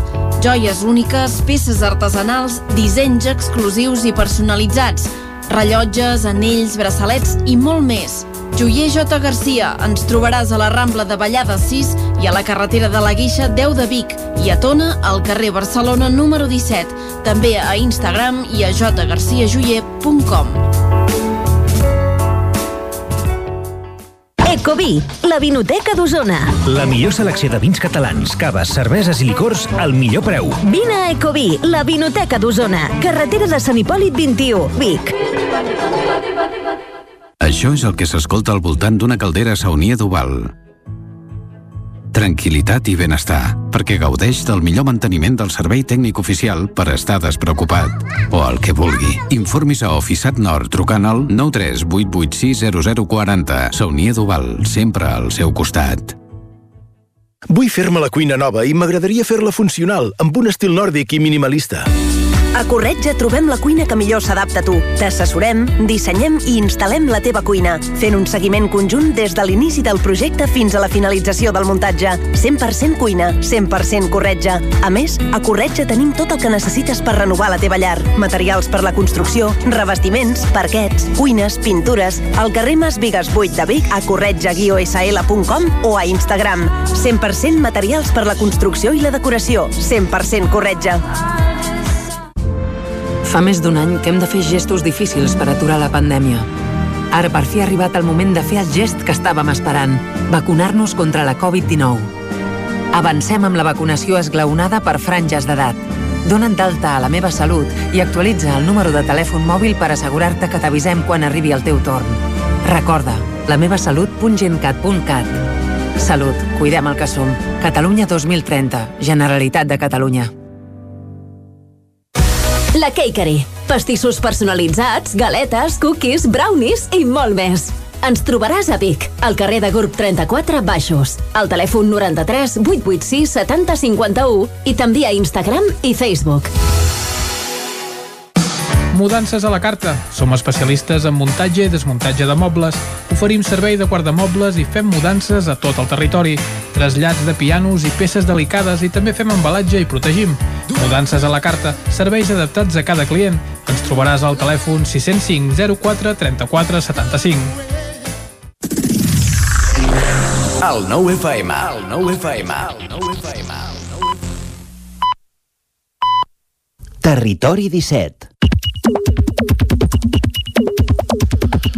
Són dos quarts onze i ara qui ens acompanya com cada dia a aquesta hora és l'Isaac Moreno. Bon dia, Isaac. I bona hora.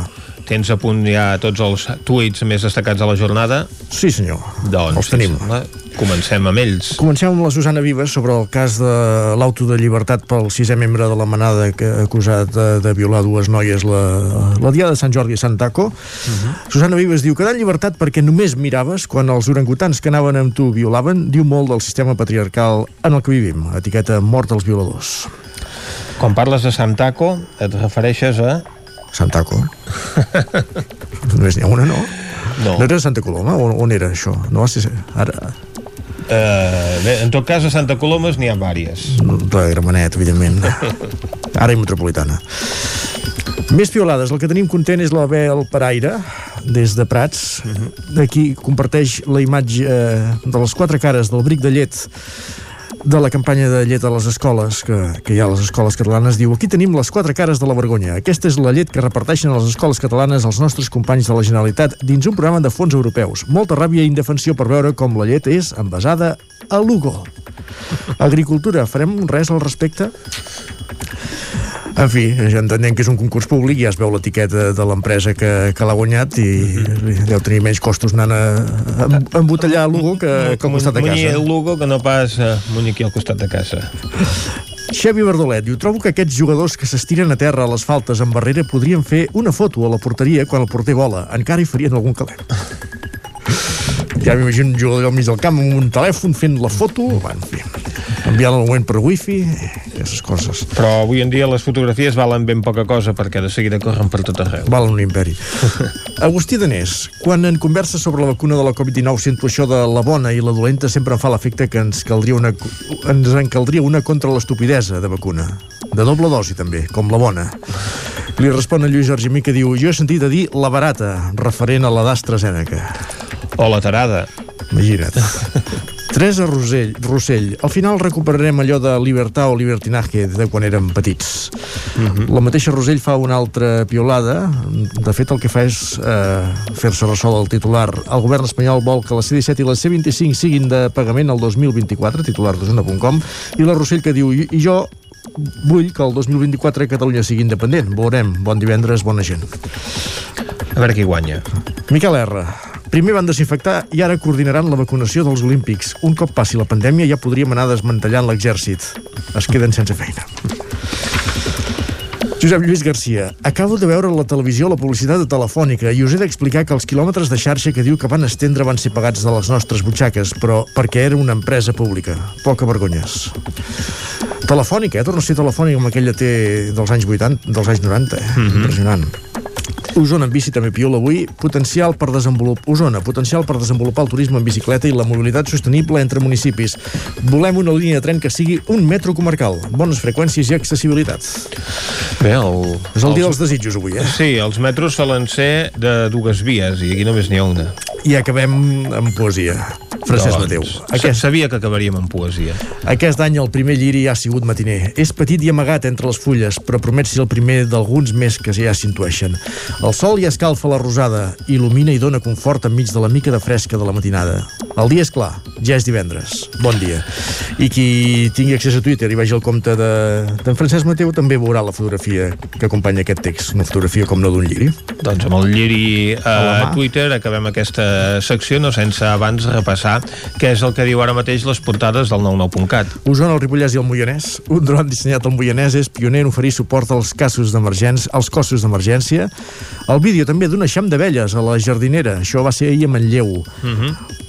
El, el Bike Park de Ripoll preveu una inversió de 8 milions d'euros eh, i obrir portes a finals de l'any vinent i la població d'Osona que viu a l'estranger s'ha multiplicat per 5 en 12 anys i la del Ripollès s'ha duplicat. Carreguem la portada verda, Vallès Oriental. Els ajuntaments deixaran de cobrar 1,6 milions per la fi de la concessió de les autopistes.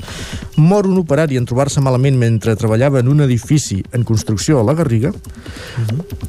Granollers reclama al govern més control dels camions de matèries perilloses a la Ronda Sud i detingut després de llançar una destral a un altre conductor per una discussió de trànsit a Granollers. Ara, clar. D'això també hi havia una piolada, eh? però no, la, no la portava, em sembla ara que ho dius. En fi, és igual. Doncs l'haurem de deixar córrer, en tot cas... Eh... Espera, que era de l'Eli Pinyol, la trobo ah. ràpid, si vols, eh?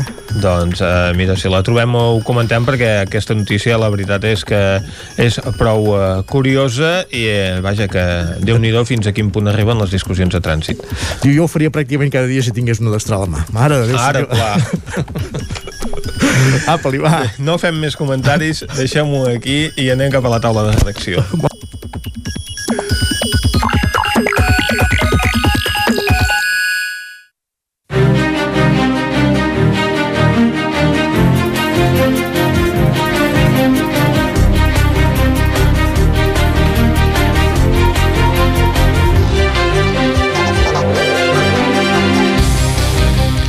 I avui a la taula de redacció ens acompanyaran en Guillem Freixa i en Guillem Rico.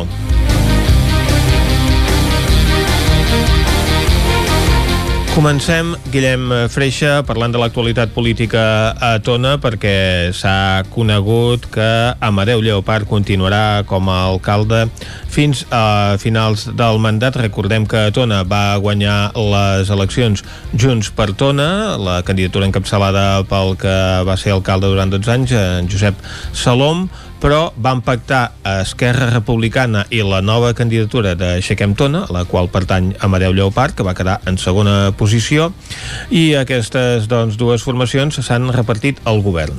Sí, efectivament, al maig del 2019 els resultats de les eleccions que obrien aquesta possibilitat de que hi hagués pacte entre Aixequem i Esquerra, que sumessin més regidors que la resta de, de forces de Junts per Tona i també hi ha un regidor del Partit Socialista de Catalunya.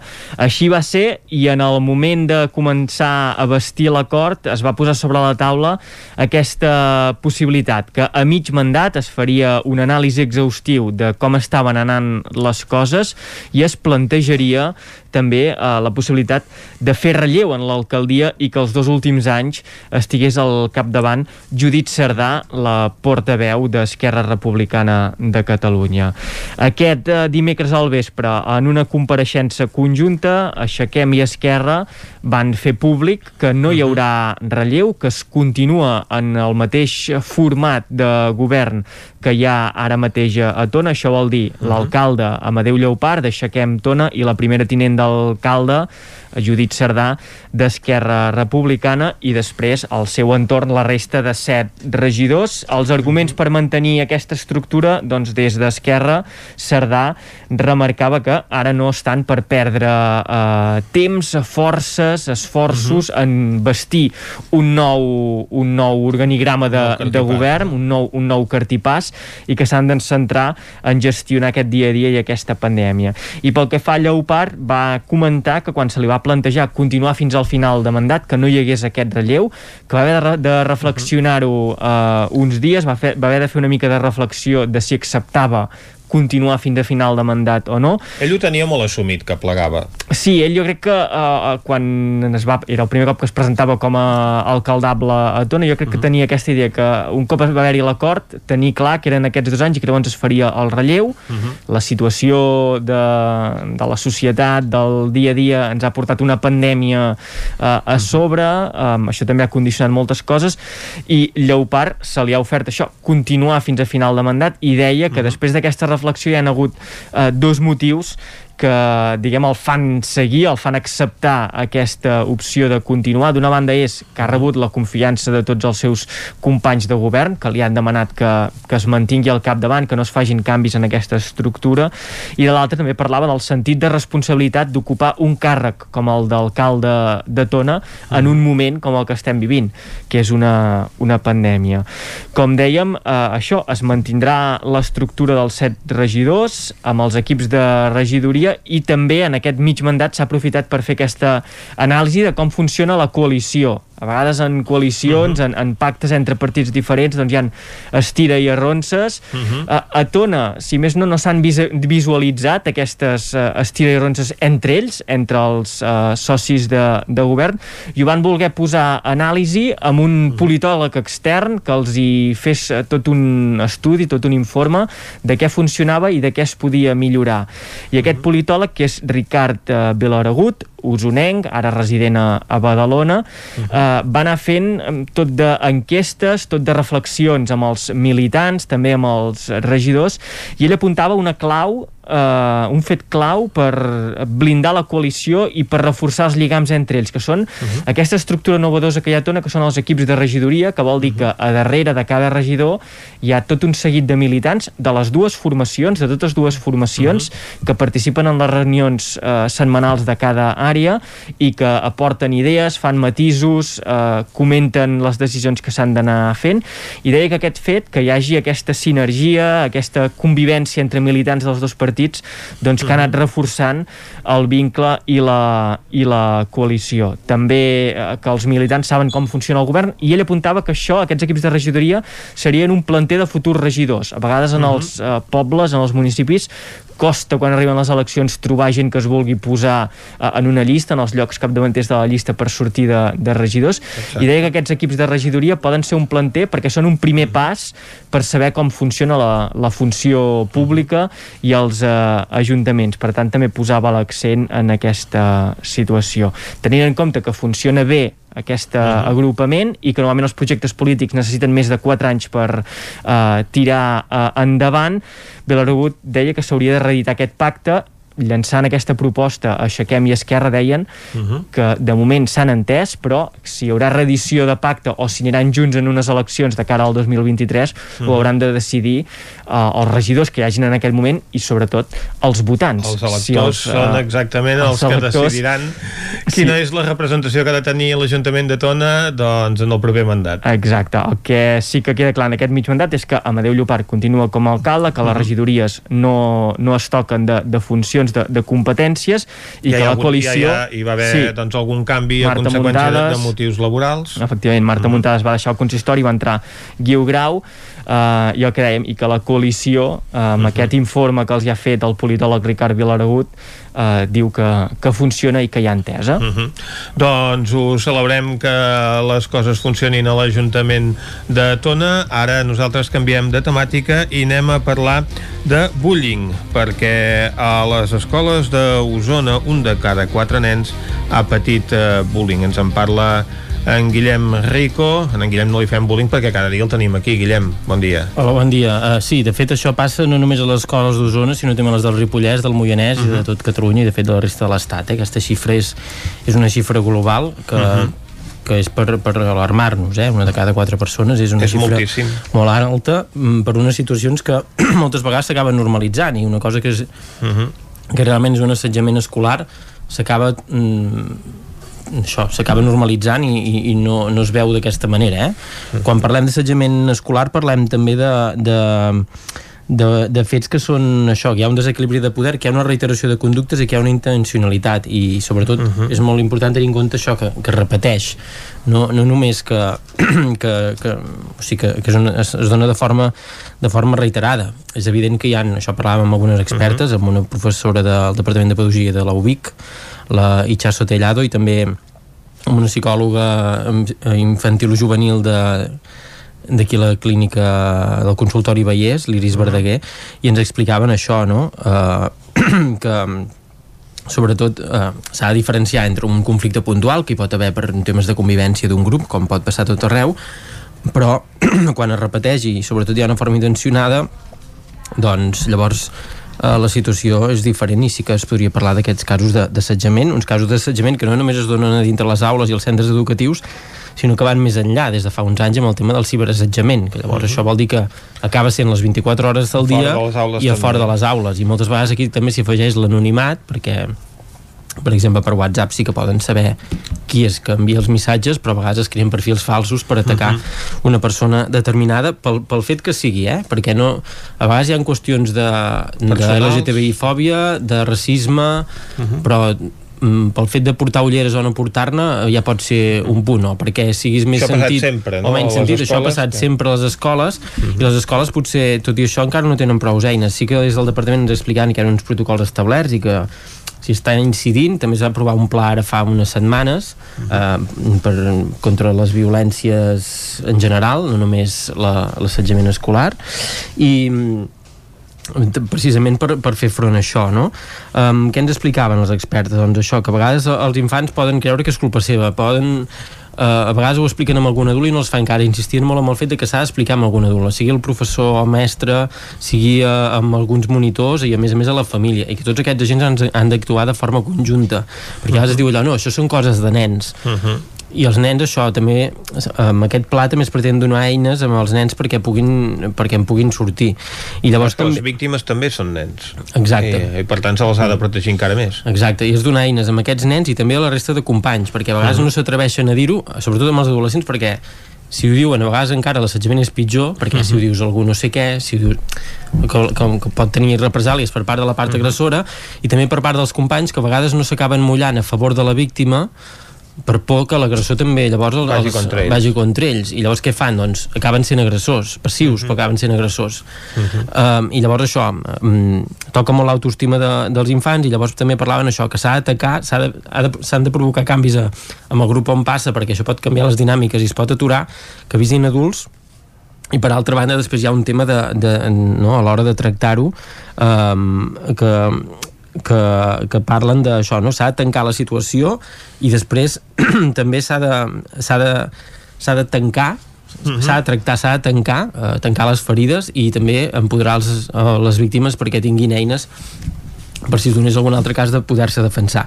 I parlàvem el cas d'una nena que li hem anomenat Mariona per protegir la seva identitat, una nena uh -huh. que anava en una escola de Manlleu, que després va passar a una escola de Torelló, els problemes els va tenir en aquesta escola de Manlleu i era un cas típic, no? Una nena que es fixa en ella, ella va tenir uns dies que potser estava més sensible, plorava més per un tema familiar que havia tingut a casa uh -huh. i se'n van començar a riure d'ella perquè plorava molt i a partir d'aquí s'hi van agafar i ja va venir amb el si no em fas els deures et quedaràs sense amigues, la van anar aïllant uh mhm. -huh. fins que per sort deia ella va arribar al confinament, això era el curs passat i, i es va tallar en certa manera però era, una, però era, una, era a la classe, era al menjador, era, era tot el dia també feien grups de WhatsApp, nenes de 10 anys que segurament ho farien a través del mòbil dels pares, que per tant els pares potser ho haurien d'haver vist, uh, i la família d'aquesta nena doncs, sí, van guardar sí, les captures. Si un fill de 10 anys un mòbil, bé, ho has de mm, controlar. Posaven mots, um, això, anti-Mariona, anti uh mhm. -huh. això, la criticaven, amb ella la posaven dintre el grup, després en sortien tots, uh -huh. um, i això es va anar... Això són alguns, alguns dels detalls que explicaven. Després, amb el confinament, doncs, van acabar decidint que, que canviarien d'escola, de, tot i que només li quedava un curs, el sisè, uh -huh. i ara va a una escola de Torelló, eh, també li ha costat treure una part, hi havia una, coses que ella fins al cap de gairebé un any eh, que, que ha estat amb una psicòloga i tot plegat no ha acabat explicant als seus pares coses que li passaven uh -huh. i ara mica en mica doncs va sortint d'això i ja van notar també una mica que li canviava el caràcter, no? Una nena que també un punt era que segurament era una nena que tenia molt bones notes, que sempre era la primera d'acabar els deures, que li deien que ajudés amb els nens amb necessitats educatives especials, i precisament això, quan un dia a l'escola nova li van proposar el mateix, uh -huh. va ser quan va explotar i va dir no, perquè perquè sabia Passarà, que per això li passava allò, allò uh -huh. altre i llavors a partir d'aquí va començar aquesta manera de, de tractar-ho, per tant això és un tema que a vegades uh -huh. no se'n parla prou però, però que forma part del dia a dia de molts nens que al final eh, el que els hi passa és que, que no volen anar a l'escola perquè Clar. saben que allà no, no hi estan bé uh -huh. i ara, a més a més, s'hi suma el fet aquest eh, de les noves tecnologies que fan que no sigui només a l'escola sinó també a fora, a fora d'allà durant tot el dia. Que l'assetjament sigui més eh, cru. Mm. Doncs moltes gràcies, Guillem. Bon Tanquem dia. nosaltres aquí la taula de redacció.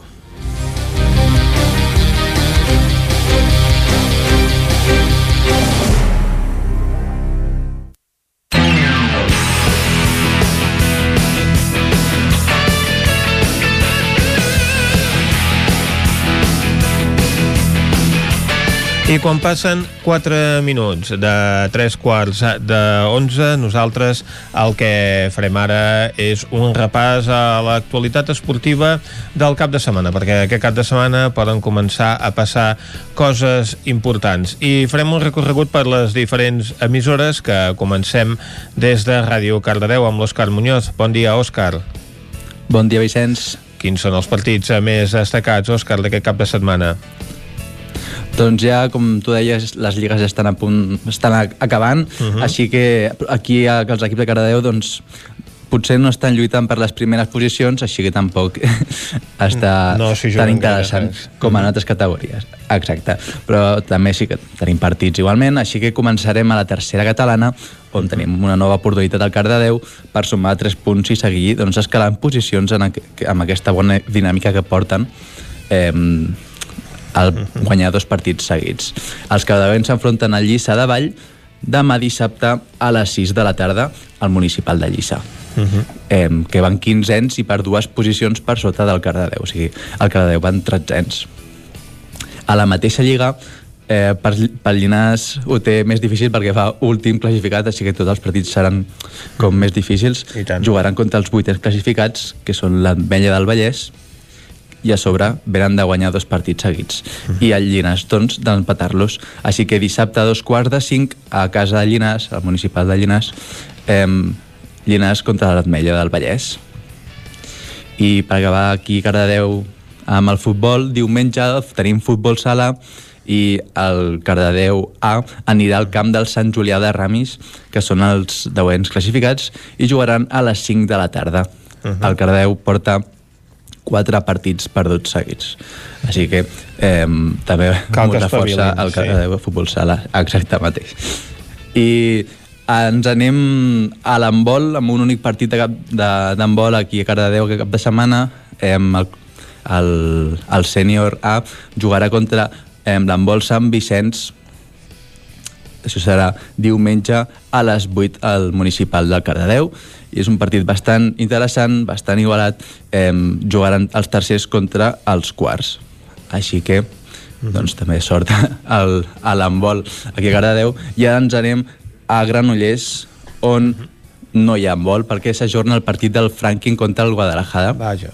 Que és curiós perquè eh, a tots els partits que té el Franking eh, acaben ajornats o, o perduts. No? Així que l'handbol eh, Balomano Granollers acumula ja tres partits pendents per disputar de la Lliga Sobal, que això s'ha vist obligat a posposar per eh, causes de Covid a, a la plantilla rival.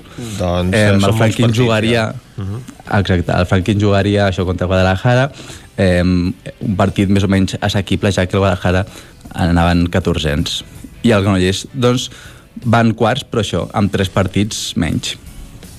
Uh -huh. I acabem aquí el repàs esportiu amb el futbol on l'Esport Club aquest cap de setmana eh, torna a jugar aquesta eh, lliga de per pujar a segona divisió, encara que ell no, no tenen cap esperances de pujar ja que van últims i doncs si aquest cap de setmana l'Europa eh, aconsegueix guanyar, doncs ja pujaríem directament eh, de classificació. Mm -hmm.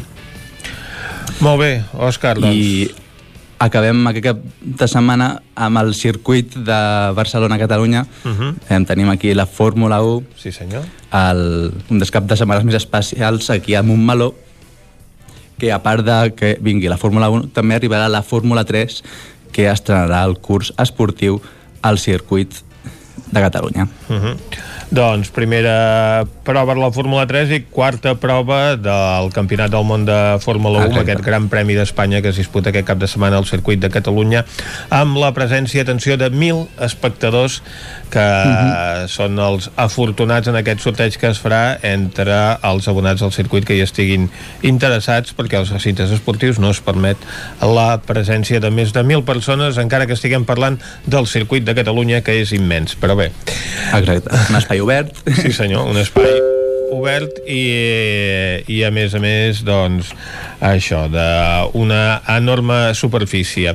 Anem ara cap a un altre cantó del Vallès Oriental, anem a una codinenca amb la Caral Campàs. Bon dia, Caralt. Hola, bon dia. Mireu, començo aquest eh, repàs parlant de futbol. A Mhm. tercera catalana, al grup 5, tenim el Mollà, el Castellterçol i el Sant Feliu de Codines. I tenim derbi ona codinenca perquè el Castellterçol s'enfronta al Sant Feliu de Codines Mhm. aquest diumenge a un quart eh, d'una a la pista del Castellterçol i per altra banda el Mollà s'enfronta al Ceba aquest dissabte a dos quarts de cinc de la tarda i repasso eh, ràpidament on tenim aquests equips a la classificació. El Mollà és el que està més ben posicionat el número 5 amb 14 punts. Eh, i després tenim el Sant Feliu de Codines el número 8 amb 13 punts i el que està més eh, mal classificat és el Castellterçol primer per la cua amb només eh, 3 punts. I me'n vaig cap a l'hoquei. Um, a segona divisió tenim el Sant Feliu de Codines que s'enfronta a l'últim partit eh, regular de la temporada contra l'Arenys aquest dissabte a les 8 del vespre. Recordem que la setmana passada doncs, el Sant Feliu va certificar doncs, a, a continuar aquí a segona divisió i el tenim al número eh, 8 amb 21 punts. I anem a primera divisió i és que les noies del Vigas i Riells, tot i que han acabat doncs, a la, la temporada, la fase regular, disputaran eh, avui un amistós a la pista del Voltregà a dos quarts de nou eh, del vespre. Eh, el Vigas busca doncs, fer ara partits amistosos per no perdre el ritme de cara a la Copa de la Reina que se celebrarà del 10 al 13 de juny a la Corunya. I acabo eh, parlant d'alcaldes, el rec amb les alcaldes de Patins, que rep aquest dissabte al Liceu a dos quarts de vuit del vespre. Uh, atents, no competeixen alcaldes des d'abans de Setmana Santa, perquè Ara, pla. entre les dues jornades de descans que hi ha hagut, un positiu Covid uh, a la mateixa plantilla, el cos tècnic i confinaments dels equips rivals, doncs eh, des de llavors que no, que no competeixen. Veurem com va doncs, aquest dissabte el partit contra el Liceu, que és el segon classificat, um, i recordem que, que doncs, el rec amb les arcaldes el tenim al número uh, 4 de la classificació amb 54 punts. Però aspirant a aquesta tercera plaça que ha anat Exacte, mantenint durant tota aspirant-la la des de fa ja uns dies. Sí. Molt bé, gràcies, Caralt. A vosaltres. Anem ara a la veu de Sant Joan. Isaac Muntades, bon dia. Bon dia, Vicenç. Com tenim l'actualitat esportiva al Ripollès? Doncs tenim al, alguns partits i si us sembla bé començarem per al futbol, el grup 18 de la tercera catalana, per parlar dels equips que, que jugaran contra la Desenc i el, i el Camp de Bànol uh -huh. i el conjunt Sant Joaní serà qui obrirà foc perquè jugarà dissabte a les 6 de la tarda a casa contra el Font Coberta i és l'última ocasió dels Sant Joanins per enganxar-se al tot a la part alta de la taula perquè el seu rival és tercer amb 17 punts però amb un partit menys, mentre que la Badesenc és sisè amb 14 punts. I per la seva banda el de Bànol jugarà diumenge a domicili a les 5 de la tarda al Camp de les Preses. Ara mateix els candanolencs són onzens amb 10 punts, mentre que el seu rival tenen els mateixos punts que, que la Badesenc, però són, però són cinquens, i el Bànol doncs, també ha de seguir guanyant per, per seguir escalant posicions. Uh, pel que fa al torneig de la segona catalana, el Camprodon uh, ja no té opcions de guanyar el seu grup i vol conservar l'honor i aconseguir la primera victòria després de 6 uh, derrotes Uh, jugaran al camp del Comacros el dissabte a les 4 de la tarda, que actualment és el tercer classificat amb 9 punts i que també s'hi juga molt perquè si no guanya es despenjarà definitivament de la lluita pel primer lloc que tenen el Porqueres i, i la Mer. Uh -huh. uh, I després, uh, per acabar, Pel que fa a la Lliga de Primera Nacional de Futbol Sala de la Federació Catalana, l'Escola de Futbol Sala Ripoll Servicat jugarà a la pista del futbol sala Prat la Terraza Alcalà aquest dissabte a les 8 del vespre i els ripolleros doncs, han de guanyar per mantenir el liderat de la categoria una setmana més i lluitar pel títol perquè evidentment en una lliga tan curta una derrota o un empat eh, penalitzen molt recordem que el Ripoll va guanyar ja el primer partit d'aquesta segona fase Uh -huh. Molt bé, Isaac, doncs moltes gràcies. A vosaltres. Ara nosaltres tenim aquí a l'Estel Rovira, que ens parlarà d'un cap de setmana que pot ser decisiu per a alguns equips d'Osona. Esther. Bon dia, doncs sí, perquè per exemple en el cas de, de l'hoquei Lliga Plata eh, el Manlleu Embotit Solà eh, ja disputa l'última jornada de, de competició a la pista del Capellades i es juga eh, tornar a l'hoquei Lliga per tercera vegada en la seva història i en els últims anys eh, uh -huh. Eh, l'últim eh, ni, ni tan sols dècada eh, segurament en l'últim lustre eh, són els que el Manlleu ha aconseguit aquests ascensos a la màxima categoria estatal de l'hoquei patins. Una nova oportunitat per tornar-hi aquest dissabte a les 8 de, del vespre a Capellades. Eh, l'equip només necessita un punt per certificar-ho, um, per certificar l'ascens directe, perquè ho hem anat explicant, aquest any a l'hoquei Lliga Plata uh, pugen els dos primers de cada grup Mhm. i els dos segons faran un play-off amb els dos equips uh, que quedin per davant dels quatre últims de l'hoquei Lliga, que són els que baixaran directe. Uh, per tant, això, uh, un punt només se'ls separa d'aquest ascens uh, directe, per tant, empatant en tenen, en tenen de sobres, guanyant ja uh, van sobrats. Però el Capellades- Però el Capellades es juga la permanència a la categoria, per tant serà un, un duel Mhm. amb tota regla, no serà gens, gens fàcil i a més a més algun dels rivals que té el Manlleu en, la, en aquesta part alta de la classificació, com són el Sant Just o el Vilafranca, tenen rivals molt més assequibles, alguns ja um, descendits, per tant hi ha complicació en el partit. Que Um, veurem per televisió. Que veurem per al Nou TV en directe a partir de això, demà a les 8 de, del vespre uh, amb tot, tot l'interès segurament és del, el partit més destacat d'aquest cap de setmana eh, aquest. Um, a l'hoquei Lliga Femenina l'equip femení de, del Club Patí Manlleu també té un partit important perquè visita la pista del Telecable en el segon partit Mhm. de la semifinal del playoff pel títol. Recordem que la setmana passada a casa van guanyar. En cas de tornar a guanyar, el Manlleu ja queda classificat per la final, que tot fa pensar que serà amb el, amb el Palau, que juga l'altra semifinal amb el Cerdanyola, i en cas de derrota manlleuenca s'aniria al tercer partit perquè...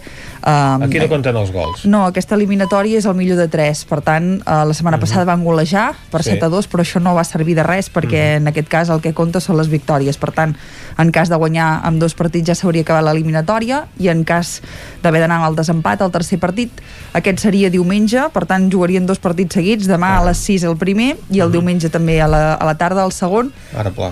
Novament Astúries perquè eh, al quedar terceres de la segona fase el factor pista va quedar favorable al Gijón, per tant això la feina del Manlleu és guanyar demà i així ja estalviar-se aquests problemes i tornar diumenge cap a casa Recordem Um, que defensa el títol. Exacte, que és el vigent campió perquè l'any passat quan es va acabar la, la competició doncs uh Mhm. ocupava la primera posició i de fet no fa pas massa, el mes passat se li va entregar el, la copa corresponent a aquest títol de, de la temporada passada.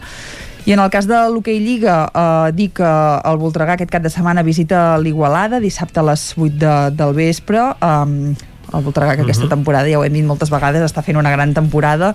Um, sí que s'ha mogut entre, ara potser està setè però s'ha mogut sempre en la sisena posició. Uh, l'Igualada en aquesta temporada doncs, té una situació molt, molt complicada lluita per sortir de la, de la part baixa i per tant segurament no serà fàcil però bé, en tot cas el, el Voltregà que, que segurament intentarà continuar en aquesta bona dinàmica.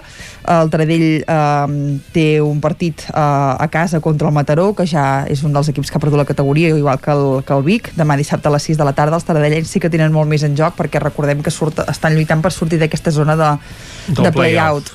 no? i per tant eh, sí que és un partit més, més transcendent i sent el l'últim i un equip que ja ha perdut la categoria doncs el d'intentar anar a buscar els 3 punts en aquest partit i el Vic per la seva banda visita el Barça demà dissabte a dos quarts de vuit del vespre aquest un partit ja um, intrascendent. Uh, sí que els biguetans el que s'han marcat és aconseguir alguna victòria en aquest tram final de temporada però segurament aquest no és el partit No per aconseguir-ho.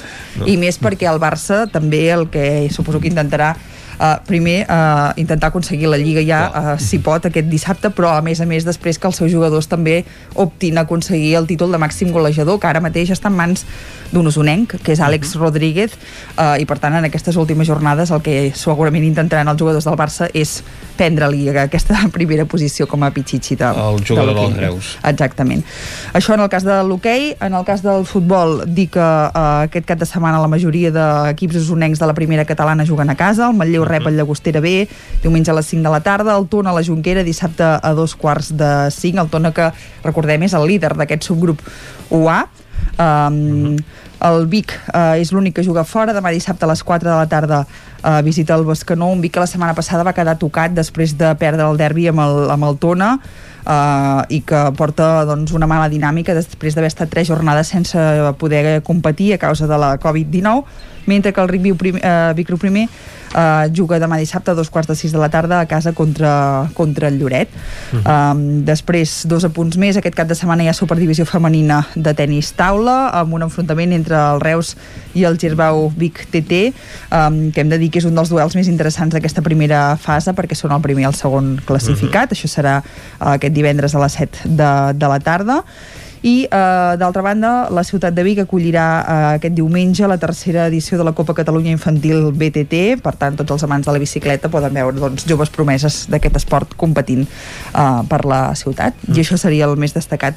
També un, últim apunt en futbol sala, el Centelles eh, juga a casa aquest dissabte contra l'Egara, el Centelles femení eh, de la Lliga Nacional.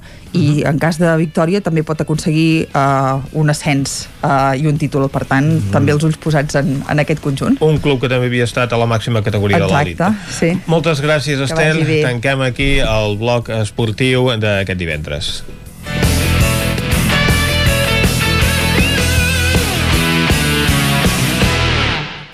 I ara, quan passen 4 minuts a les 11, fem un repàs a l'actualitat de les comarques del Ripollès, el Moianès, Osona i el Vallès Oriental. Territori 17, amb Vicenç Vigues i Jordi Sunyer.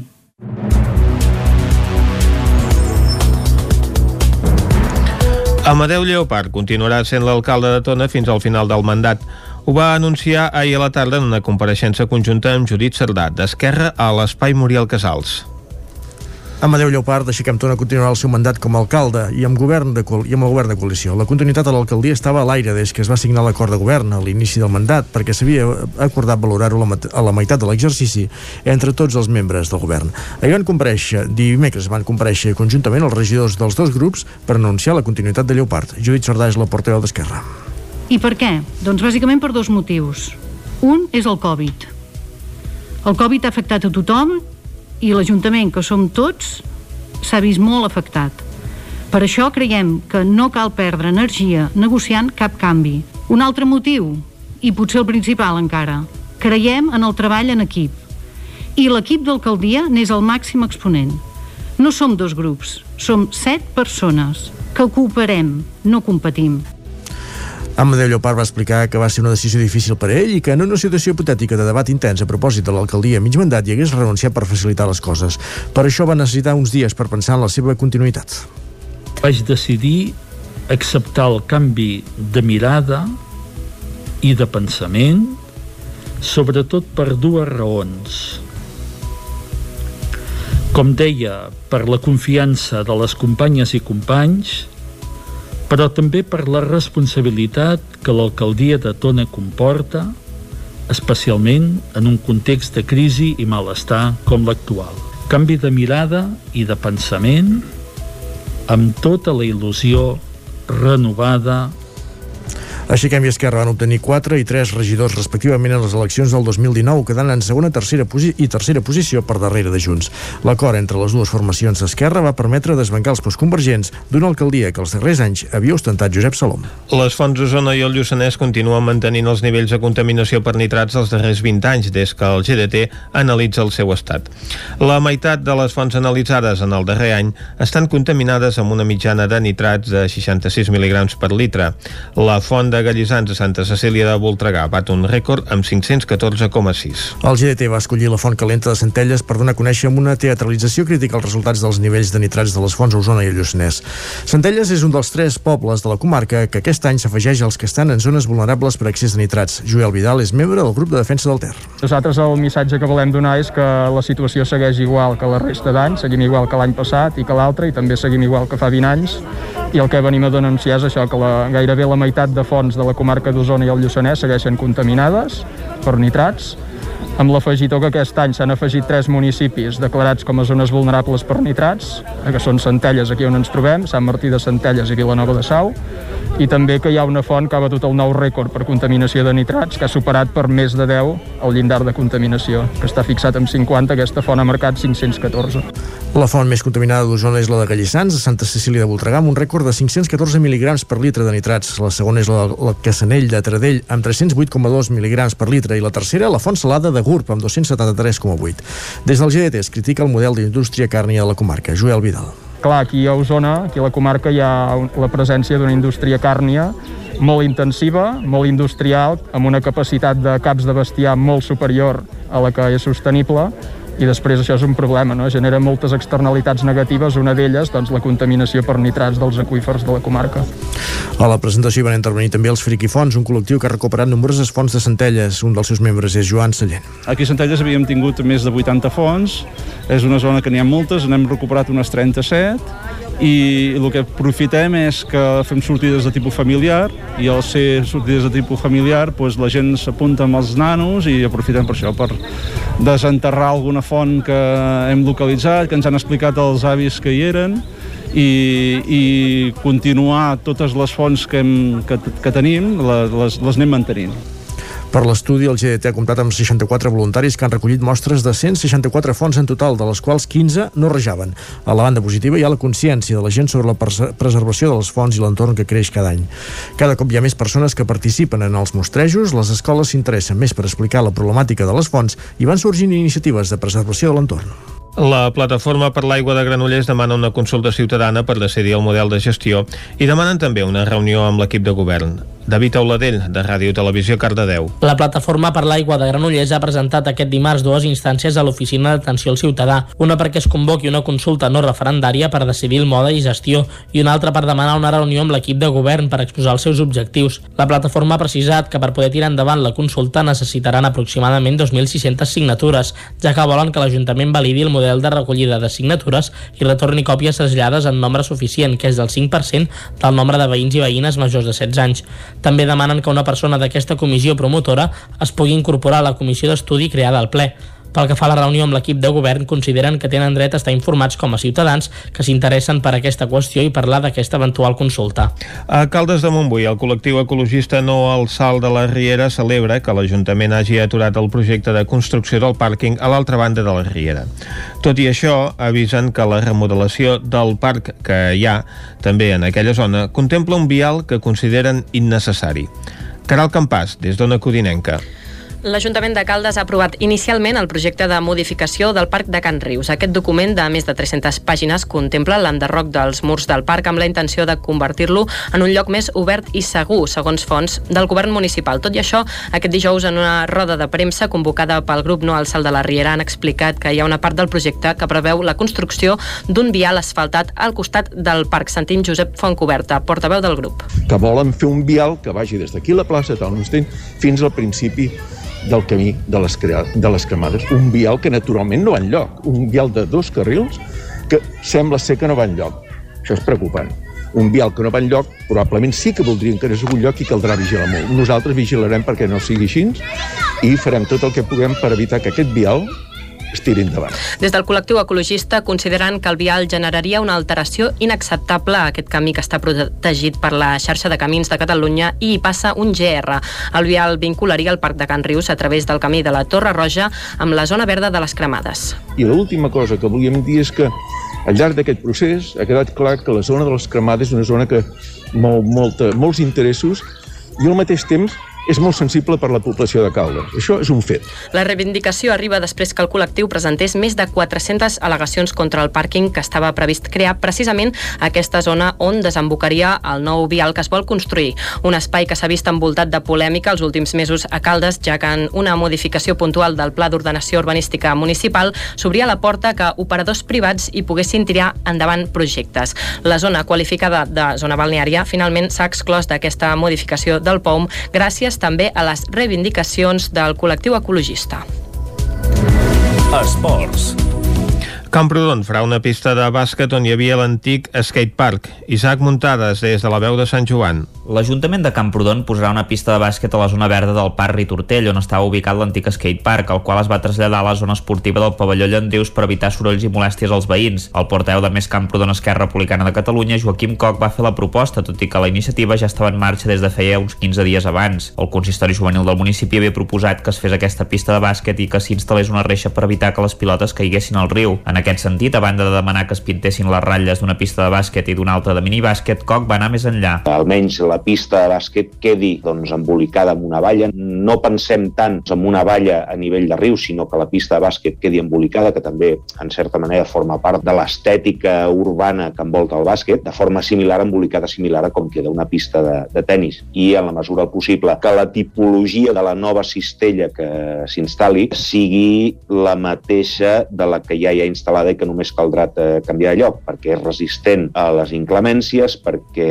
eh, també és un tipus d'equipament que d'aquesta manera, tal com està configurat, doncs és més fàcil de protegir que no pas d'altres models de cistells. Aquesta adequació la farà la mateixa empresa que s'encarrega dels parcs infantils, que també adequarà la part del camp de futbol que hi ha sobre l'herba. L'alcalde de Tots per Camprodon, Xavier Guitar, també va fer una valoració positiva de la reubicació de la pista de skate i va explicar que s'hi han fet algunes modificacions. Sí que és cert que encara no està al 100% del seu ús, que es va parlar amb usuaris d'aquesta pista de skate i va haver-hi bueno, una sèrie de queixes, eh, en aquest cas el regidor d'Esports, pel fet de que el, que el pavimentat no era del tot correcte i no els anava del tot bé. S'ha actuat aquesta setmana passada amb el pavimentat del terra, posant un pavimentat molt més llis en el qual els hi anava molt, bé, molt més bé per practicar l'skate i la veritat és que els ímpetus que ens arriben són, són positius tant per part que la gent que l'usa com per gent que, bueno, que tenia aquest problema de sorolls, de botellons. Sí que és cert que tampoc és moment ara de fer una gran valoració degut a que amb aquests confinaments de les 10 de la nit realment mm, jo crec que seria precipitat ara fer una valoració de l'skatepark, jo crec que li hem de donar temps, jo crec que, ha de passar l'estiu, jo crec que ha de millorar molt la zona esportiva. L'alcalde Camprodoní va dir que calia fer un replantejament amb què calia fer amb les pistes de tennis que estan molt deteriorades i que no s'utilitzen massa ni tan sols a la temporada d'estiu.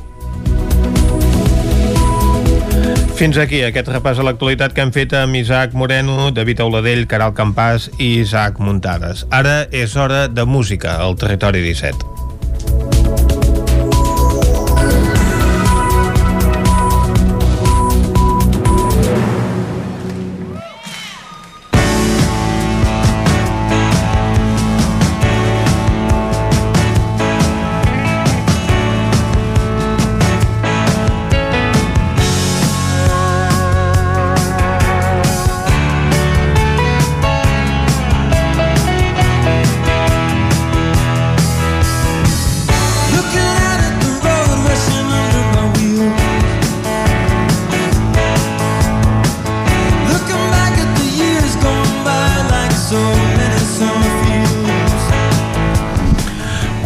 És un quart de 12 ja tenim aquí en Jaume Espuny perquè ens porti com cada divendres un clàssic musical. Bon dia, Jaume. Molt bon dia. I avui és, què ens portes? És un clàssic, un clàssic sí. musical, eh que sí? És el cinquè disc de Jackson Brownie. Uh -huh. uh, el, el, Jackson Brownie, un cantautor americà, uh -huh. bueno, dels Estats Units, que l'any és de l'any 1977, era el cinquè disc, i ja tenia molta fama. Li va costar molt tenir-la, o triomfar, però aquí ja eh, amb aquest disc ja es va, va vendre com xurros. Uh -huh. eh, el disc, es va gravar el disc durant una, una gira, uh -huh. però aquesta cançó que estem sentint, el Running on Empty, que és uh -huh. el, el nom del disc, eh, està gravat en públic, vull dir, en un Ja escenari. se sent. Eh? Se sent. Però també hi han cançons gravades a l'autobús, uh Mhm. -huh. gravades a l'hotel, eh, bueno, etc. Eh, ara en sentirem una que es diu Mhm. Cocaïn, que, esclar, si graves una cançó en un hotel eh, no pots estar no pots anar amb guitarres elèctriques i grans instruments no. està gravada, canta ell eh, guitarra guitarra acústica i el violí de David Lindley Uh -huh. la cançó es diu Cocaine i exactament està gravada a l'habitació 124 del Holiday Inn de- d'una ciutat que es diu Edwardsville Illinois, un hotel, un hotel que vaig mirar a veure quina cara feia, és sí. un hotel de, de luxe. Que està prou bé. Sí, sí, exactament, no és, no és una fonda. Escoltem-la, ja veureu que... A veure.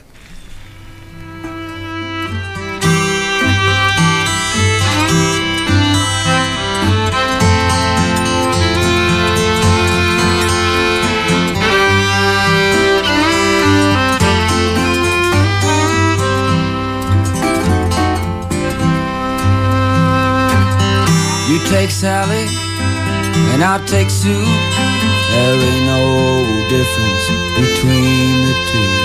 Cocaine running all around my brain.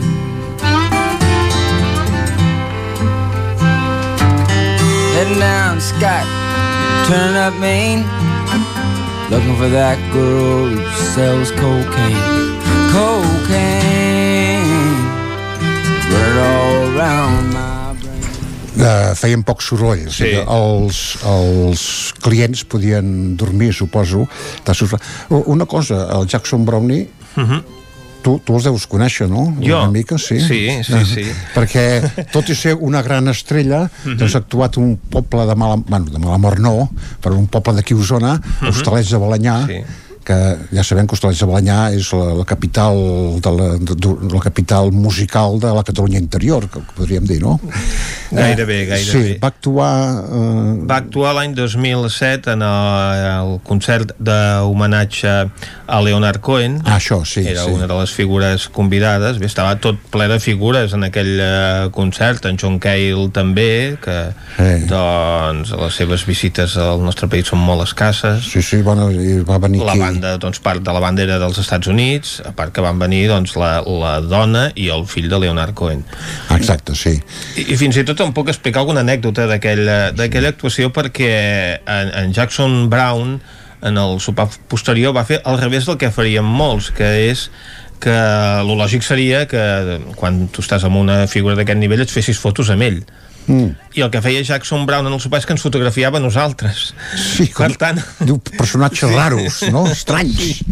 sí, sí, sí, per tant és ell el que té eh, fotos nostres i bé, no nosaltres amb ell, en tot cas qui li va demanar evidentment que se'n va poder fer però, però vaja, que va ser una mica el món al revés. I va venir aquí el 9-9, me'n recordo que vaig poder parlar amb ell, amb una, una traductora, una estoneta, va fer, va fer gràcia perquè és, és un dels grans, eh? perquè recordem que ell té casa a Barcelona Sí, al barri de Gràcia té una casa que de tant en tant hi és. Jo pensava que vivia per sempre allà, però no, es veu no. que, que va i li ha dedicat una, una cançó no, a Barcelona Sí. li ha dedicat una cançó després de passar el coronavirus l'any passat crec Sí, exacte. I, bueno, i a més a més ha col·laborat amb, ha fet tocat alguna cosa amb discos de Maria de Mar Bonet um, exacte exactament uh, uh, hi ha una cosa del disc que en té el cor robat que és les dues últimes cançons dues últimes cançons que són The Loud Out i Stay, que els enganxa d'una manera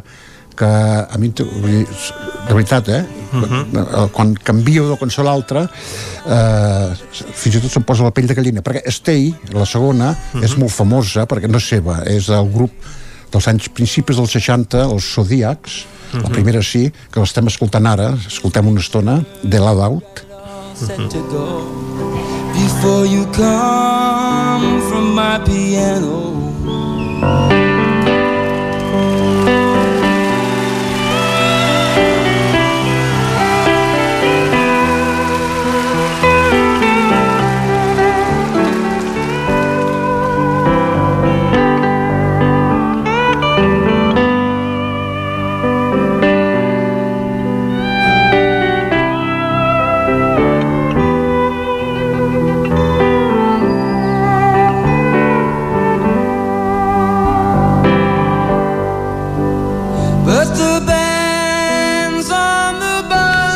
Aquesta guitarra pedal estil que es diu eh, que sentíem era David Lindley, el mateix que tocava el violí a la cançó anterior que uh -huh. és poc conegut, és clar, per música, però és una figura de por, no?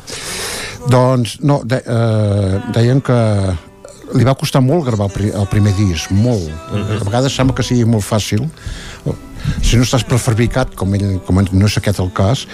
Eh, Perquè i... també era una persona que havia anat voltant món, no? Perquè sí, el seu pare era militar. Sí, i... sí bueno, va néixer, ell va néixer a Alemanya, Exacte. el seu pare era militar. Uh -huh eh, i gravava cançons, això sí, però, vull dir, i, i gent com Linda Ronstadt, o, els Verds, que en tenen un parell, els Seagulls, l'Issy, que bueno, és superfamosa, uh, la Nico, que van ser una mica nòvios, en Joan Baez, el Sam Les Bordes Bans, o sigui, grans figures, eh? Sí. Uh, continuem escoltant The Loud Out, perquè com que a mi m'agrada molt, Eh, vull que la gent també també els agradi, s'escolti. Escoltem la nostra... Uh, sí, i ara d'aquí no gaire canviarà d'aquí no gaire canviarà uh, i cantarà començarà els primers acords d'Estei. Doncs eh, deixem aquest últim minut d'aquesta cançó i continuem escoltant a Jackson Brown. We got disco and eight tracks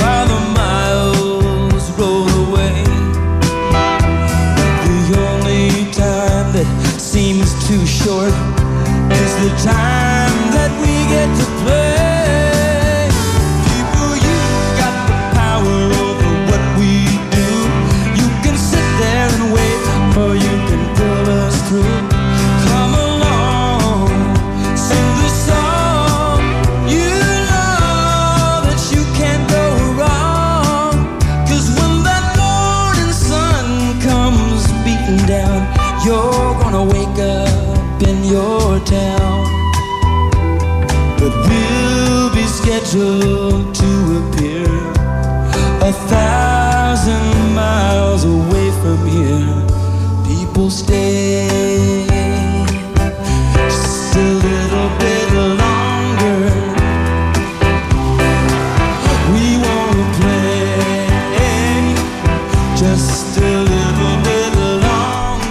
Aquí hem fet el canvi de cançó. Aquí hem fet el canvi, aquesta cançó preciosa d'Estei, sí. i ara escoltarem, tornaré a callar, escoltarem la intervenció de la cantant eh, en Rosemary Butler i després el David Lindley el pedal steel sí, i, i, i, i el violinista cantarà un, fals, un falset una mica còmic que a la gent li, li encanta. Continuem. Som-hi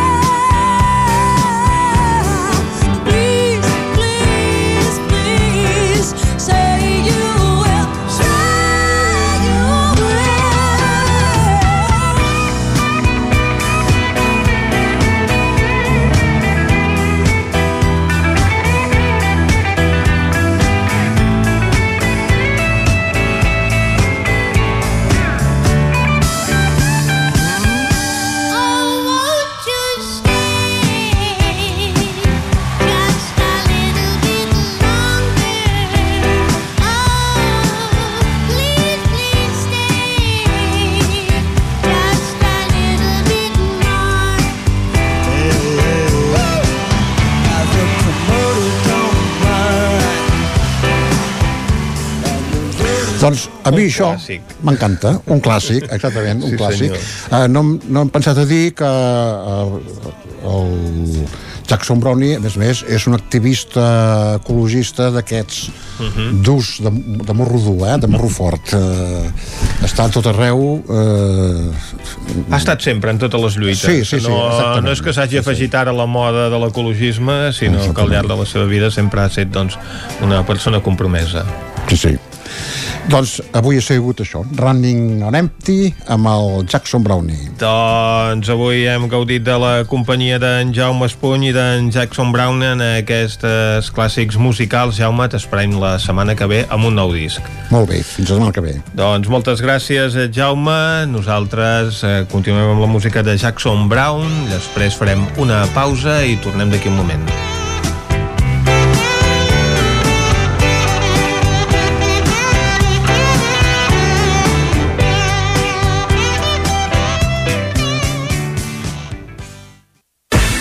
El nou FM, la ràdio de casa, al 92.8.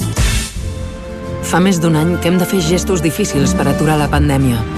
Ara per fi ha arribat el moment de fer el gest que estàvem esperant, vacunar-nos contra la Covid-19. Avancem amb la vacunació esglaonada per franges d'edat. Dona't d'alta a la meva salut i actualitza el número de telèfon mòbil per assegurar-te que t'avisem quan arribi el teu torn. Recorda, lamevasalut.gencat.cat. Salut, cuidem el que som. Catalunya 2030, Generalitat de Catalunya. Can Xalant, moda i complements. Nova temporada primavera-estiu. Moda home-dona, nen-nena, sabates, bosses de mà, maletes, complements i molt més. Vine a veure, ens trobaràs una secció d'ofertes amb roba de la temporada passada a 10 euros i 19 euros. Vine a Can Xalant, ens trobaràs al carrer Sant Tomàs número 6 de Call d'Atenes. També a Instagram i Facebook.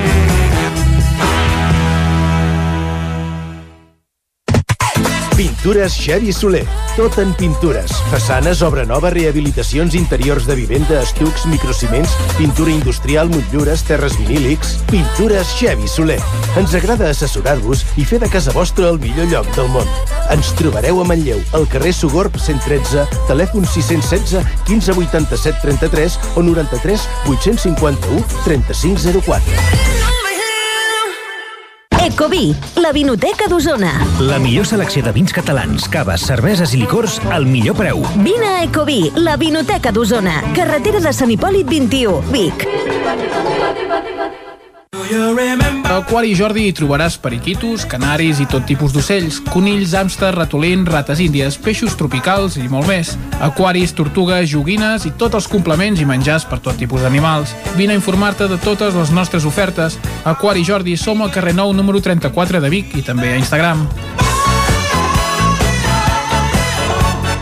Hi ha sensacions que són úniques. Aquell bany relaxant, mirar per la finestra quan plou i com les calderes Bailand, que li ofereixen fins a 15 anys de cobertura total amb el servei tècnic oficial Bailand. Informis a Oficiat Nord trucant al 93 886 0040. Amb el servei tècnic oficial de Bailand, la seva caldera estarà en les millors mans. Cocodril Club. Si t'agrada la bona música dels anys 60, 70 i 80, escolta el 9 FM als matins de dissabtes i diumenges d'11 a 1. És el temps del Cocodril Club, tot un clàssic de la ràdio, amb les bases del pop-rock, les llegendes, les cançons que s'han convertit en autèntics himnes. Recorda, dissabtes i diumenges al matí, d'11 a 1, al 9 FM 92.8. Cocodril Club, el programa revival de l'Albert Malla. Hasta luego. El nou FM, el nou FM, el nou FM, el nou FM, el nou FM.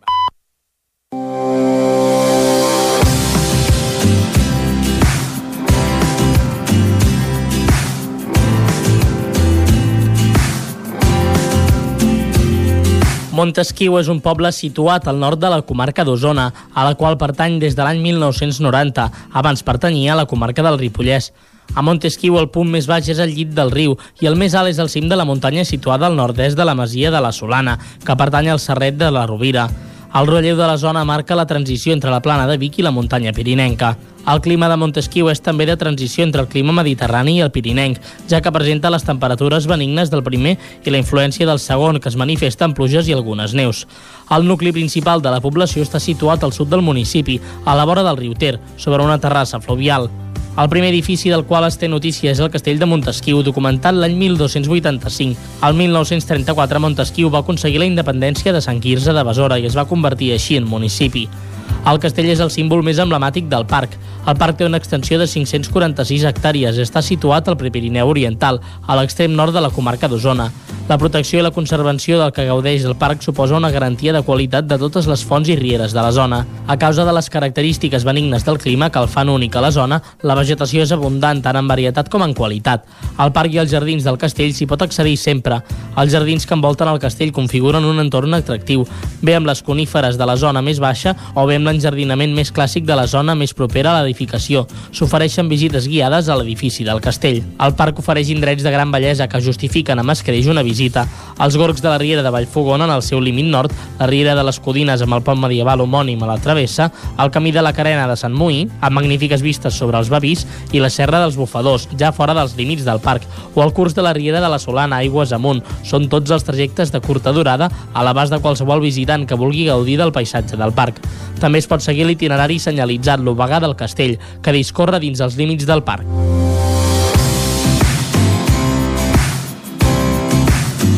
Territori 17.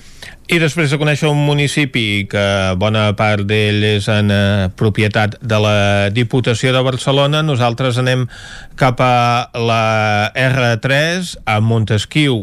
No hi ha pròpiament una parada del tren, però l'estació de Sant Quirze bé, serveix a, als dos municipis perquè està a cavall d'entre un i l'altre. És hora, doncs, que l'Isaac Muntades ens porti més notícies sobre la R3.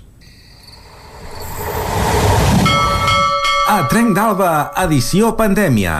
Ara sense els usuaris que ens explicaven les seves desgràcies a la R3, però amb els mateixos retards i problemes de sempre. Benvinguts a Tren d'Alba. Va, que queden només dos dies perquè reobri el túnel de Toses, després de 10 mesos d'obres. No esteu nerviosos ja? Però avui no us parlaré d'això, sinó d'una notícia que va sortir fa uns dies al 9-9 del Vallès Oriental, i és que ja s'ha adjudicat la construcció del tercer carril de la C-17 en direcció nord. Una notícia que no va agradar gaire als defensors del tren. N'hi havia un que deia a Twitter que en plena emergència climàtica el Departament de Territori es dedicava a ampliar carreteres mentre se suprimien les circulacions de la línia R3, que va en paral·lel a la carretera. De fet, aquesta persona deia que el departament feia temps que havia perdut el rumb. En canvi, també n'hi havia un altre que es preguntava quan construirien el segon carril de l'R3, referint-se clarament al desdoblament. I es contestava ell mateix dient que era molt lent, que no hi havia diners, en fi, un munt d'excuses. A més, apuntava que aquesta actuació empitjoraria les coses tard o d'hora i que vés a saber si s'acabaria fent un quart carril. Esperem que no faci falta això. Va, ens retrobem dilluns amb més històries del tren i de la R3. Territori 17.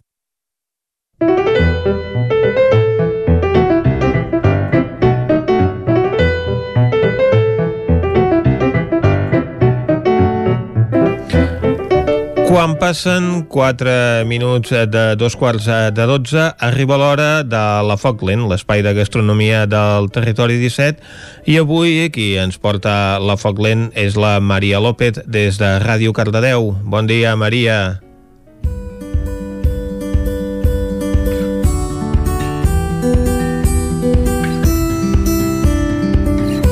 Bon dia i benvinguts a un nou a Foc Lent, avui des de Cardedeu. Mireu, una dieta vegana, comencem fent una instrucció del dia avui. Una dieta vegana es centra en la ingesta d'aliments i begudes d'origen vegetal i elimina tots els productes animals de l'equació.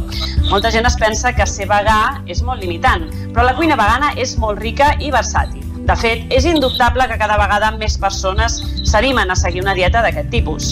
Per això avui hem volgut fer un salt fins a Granollers per parlar amb l'Engràcia i la Maria. Elles són les propietàries de La Coquesa, no sé si ho pronuncio bé, si no ara em renyaran elles, que és un restaurant vegà amb sala tant a Granollers com a Santa Maria de Palau Tordera. Així que bon dia, Engràcia, Maria, com esteu? Bon dia, bon dia. Mireu, així per trencar el gel, us haig de dir que avui he vist al vostre Facebook unes mandonguilles a la marinera que la veritat és que he salivat bastant només veure-les i tenen una pinta brutal i la veritat és que encara no m'explico com unes mandonguilles a la marinera no porten ni carn ni peix. Mm, No us demanaré el secret de cuina, però sí com us ho feu, perquè per fer aquest tipus de, de cuina que qualsevol persona podria pensar totalment que estan fetes amb carn i peix. Bueno, doncs mira, intentem treballar sempre amb producte ecològic i, i amb producte de, de, de proximitat i llavors, bueno, doncs, cuinar, cuinar coses doncs, amb molt de carinyo i, i ja està. Vull dir, i jo ja fa molts anys que em dedico a la cuina i bueno, doncs anem, anem, anem intentant fer plats nous cada setmana i mira, ja aquesta setmana han sortit les mandonguilles. Per curiositat, de què, són, de què estan fetes aquestes mandonguilles? De proteïna de soja. De proteïna de soja, increïble. Comencem pel principi, d'on neix el projecte de la, de la Coquesa? Com comença tota aquesta aventura? L'aventura comença a Santa Maria de Palau Tordera, a, amb un espai de takeaway i de classes de cuina. Vale? Bàsicament, jo fa molts anys que em dedico a donar classes de cuina i, i, bueno, i el projecte va començar allà ja fa sis anys i alguna sis anys i mig, així més o menys. Vale? I després, i després bueno, es va anar fent una mica més gran i, i bueno, amb els anys després vam conèixer amb la Maria i, i vam decidir pues, això, obrir un altre local a, a Granollers i, i aquí estem, uh, tirant endavant com podem. vam fer un projecte de Granollers que és eh, unir les sinergies, perquè al final el que volem és unir sinergies amb moltes més, més gent, no només en tema de cuina, sinó pues, tema d'art o tema de yoga. Eh, aquí vam començar a fer molts tallers, el que passa que la pandèmia ens va, ens va bloquejar i no vam poder continuar, però aquí és un local a Granollers d'unir sinergies amb moltes més activitats i moltes més coses, que sigui polivalent tot, a, tot el tema, farem ponències, farem, pues, el que comentava, fer alguna classe de yoga, farem grans, eh, farem moltes més coses, el que passa que ara ho tenim una mica aturat per aquest tema, eh, que no es podien fer duts, però més endavant eh, continuarem en el nou projecte de, de tindre pues, més petites coqueses en diverses més poblacions. No? Eh, I la nostra idea és obrir mercat eh, en una filosofia d'alimentació sana i saludable i que la gent coneixi la, la cuina vegana no només que mengen eh, quatre cereals o quatre fulles, sinó una cuina rica i saludable. Ara que comentes això dels tallers, eh, fa un temps, no sé si estareu d'acord, una, una noia em va dir que el veganisme no era només una dieta, sinó que era quasi un mode de vida, que anava moltes vegades vinculat a altres, altres Pues té tota la raó, perquè realment és una filosofia de vida. Eh, comences en una dieta i després te vas introduint en més coses, en la roba, en, bueno, en moltes més coses que, que al final és una filosofia, no? I, i ja no és només el menjar bé, sinó que te sents bé per tu mateix, el respecte als animals, el respecte a les altres persones i, i vas conèixer amb molta gent molt creativa i, i, i te, te nutres per dintre. Respecte a la, a la dieta, jo suposo que una cosa que us han preguntat moltíssimes vegades és si uh, la dieta vegana si s'ha de, diguéssim, incorporar algun altre tipus o de vitamines o alguna cosa o una dieta pura i estrictament vegana té tots els nutrients que són necessaris? Eh, jo realment, uh, una, una, dieta, una bona dieta vegana és que tinguis tots els nutrients i que sàpigues fer-la bé, perquè hi ha molta gent que no la sap fer bé i llavors comences el veganisme sense mm, uns consells o sense una nutricionista o una doctora que te vagi guiant. Però no només en una dieta vegana, sinó en una dieta omnívora o una pescatariana o una vegetariana. O sigui, totes les dietes necessites un control a, a totes. Eh, realment sí que jo faig un complement vitamínic, que és la vitamina B12, eh, però el reste, les meves analítiques o, o tot estan perfectes i de vitalitat, eh, inclús mentalment. O sigui, quan abans no... Abans jo era vegetariana i després vas, vas continuar el procés del veganisme, però cada vegada noto pues, que l'agilitat de ment, eh, interiorment connectes més amb tu mateix i, i bueno, al final tothom es coneix el seu cos i tothom se sap eh, què és el que te fa bé i què és el que te fa mal d'aliments, no? I moltes vegades no escolten el nostre cos. Per tant, nosaltres intentem sempre que, el, que els plats estiguin equilibrats, sempre, una miqueta, no? Ens, que no s'ha de dir fem unes mandonguilles perquè sí, no? O, o el plat que sigui, no? Vull dir, ens assentem, ho parlem, sempre intentem que tingui una proteïna i un cereal i moltes verdures perquè, bueno, perquè sigui un plat, un plat equilibrat, no? Perquè no, no és cuinar i ja està. De fet, he vist a la, a la vostra pàgina web que setmanalment, o sigui, no és allò de menú del dia perquè sí, sinó que setmanalment plantegeu com quatre, quatre menús. Quatre menús i que els feu arribar via correu electrònic, no? La gent, m'ha semblat superinteressant, això. Sí, sí, sí, sí, sí. aquí en el, en el restaurant tenim l'opció de, de vindre a menjar, llavors és eh, els plats que tenim i els plats del dia, de la carta, i després de dilluns a divendres, eh, com que ara molta gent per sort o per desgràcia, està teletreballant, llavors envien els menús setmanals que la gent els passa a recollir directament a la, als nostres locals, tant a Santa Maria com a Granollers. Uh -huh. De tota la vostra carta, si jo us pregunto quin és el vostre plat estrella, allò que la, el típic aquell que la gent està dient quants feu el d'allò? Quin diríeu? Jo, jo, el feedback de la gent que tinc són els canelons. Canelons, com són aquests canelons? A veure.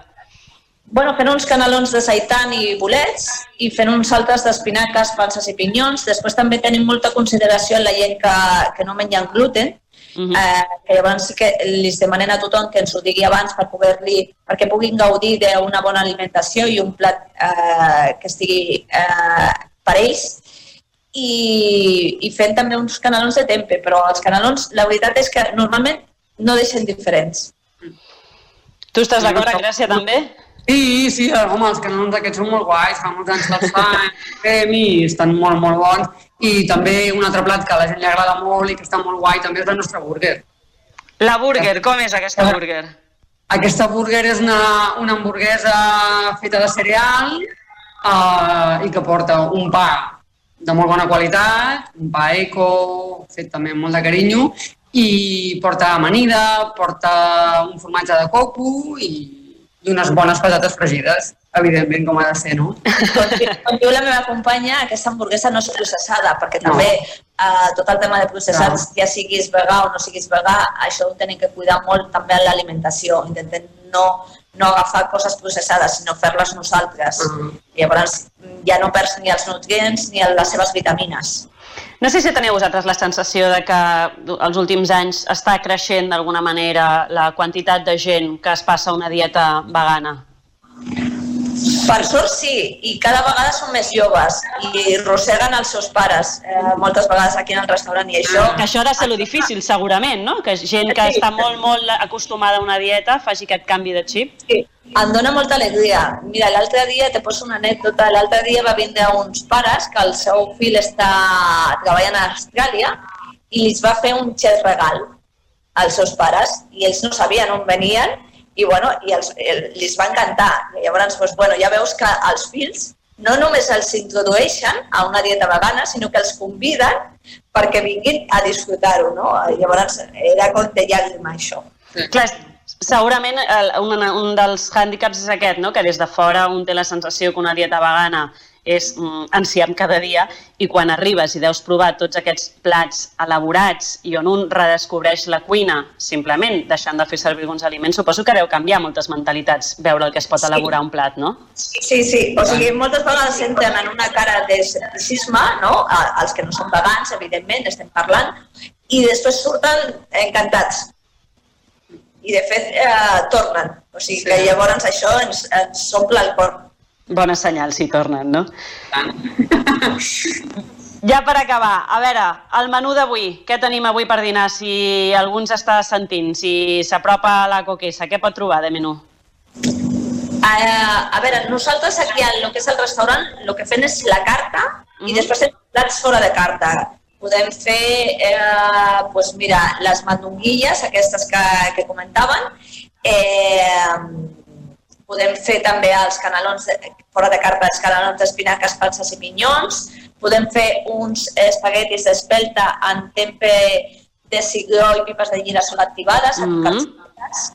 eh, que més un pokeball amb totes les seves verdures, al vapor, els seus nutrients, en, que serien tofu marinat, en arròs negre i en kimchi, que la kimchi és la col fermentada una mica picant, que va molt bé per al sistema immunitari. Eh, podem fer una degustació de croquetes, que vindria una d'espinaques, de, una de bolets i una de moniato i formatge. Bueno, eh, i moltes coses més que tenim per vosaltres. A mi m'està entrant una gana brutal. A més, has dit lo del Pokéball, que crec que també és una cosa que em dóna la sensació que s'està com posant de moda el Pokéball ara, no? Sí. Bueno, perquè és un plat, és el que et comentava abans, és un plat com si fos un plat complet, no? Té la proteïna, té el cereal, té unes verdures eh, escaldades, té unes verdures crues, vull dir que té una miqueta de tot, llavors seria com un plat complet, no? Llavors és com molt, és com molt xulo menjar-lo perquè té totes les proteïnes, tot el, tots els nutrients que necessitem en un plat, no? I, està molt, I a més, visualment és molt bonic, queda molt, queda molt bonic. Doncs, digues, totalment. Està? Que en aquest plat queda satisfet totalment. Vull dir que... Mm. Escolteu, per la gent que ens estigui sentint, on us podem trobar? Doneu-nos pistes per venir a veure-us. Mira, nosaltres estem aquí a Llanollers, al carrer Ponent. Totes les reserves les fem directament a, a través del nostre telèfon, el, del restaurant. Si no, al 610 71 19 24, aprofito. I si no, a Santa Maria de Palau Tordera, que també eh, us trobarem allà, vull dir que estarem encantats de, de rebre a tothom. El que passa que tenim la restricció de, ara mateix d'ocupació i, bueno, millor trucar per fer les reserves perquè si no, no poden agafar a tothom. Ens agradaria, eh? però no podem. Estem fent dos torns perquè no, no podem agafar a tothom. Restriccions que esperem que comencin a acabar ben aviat ja en aquesta recta final de la pandèmia. Bueno, Maria, Gràcia, moltíssimes gràcies per, per atendre'ns avui, per explicar-nos una miqueta més sobre aquest projecte tan bonic que és la Coquesa. Territori 17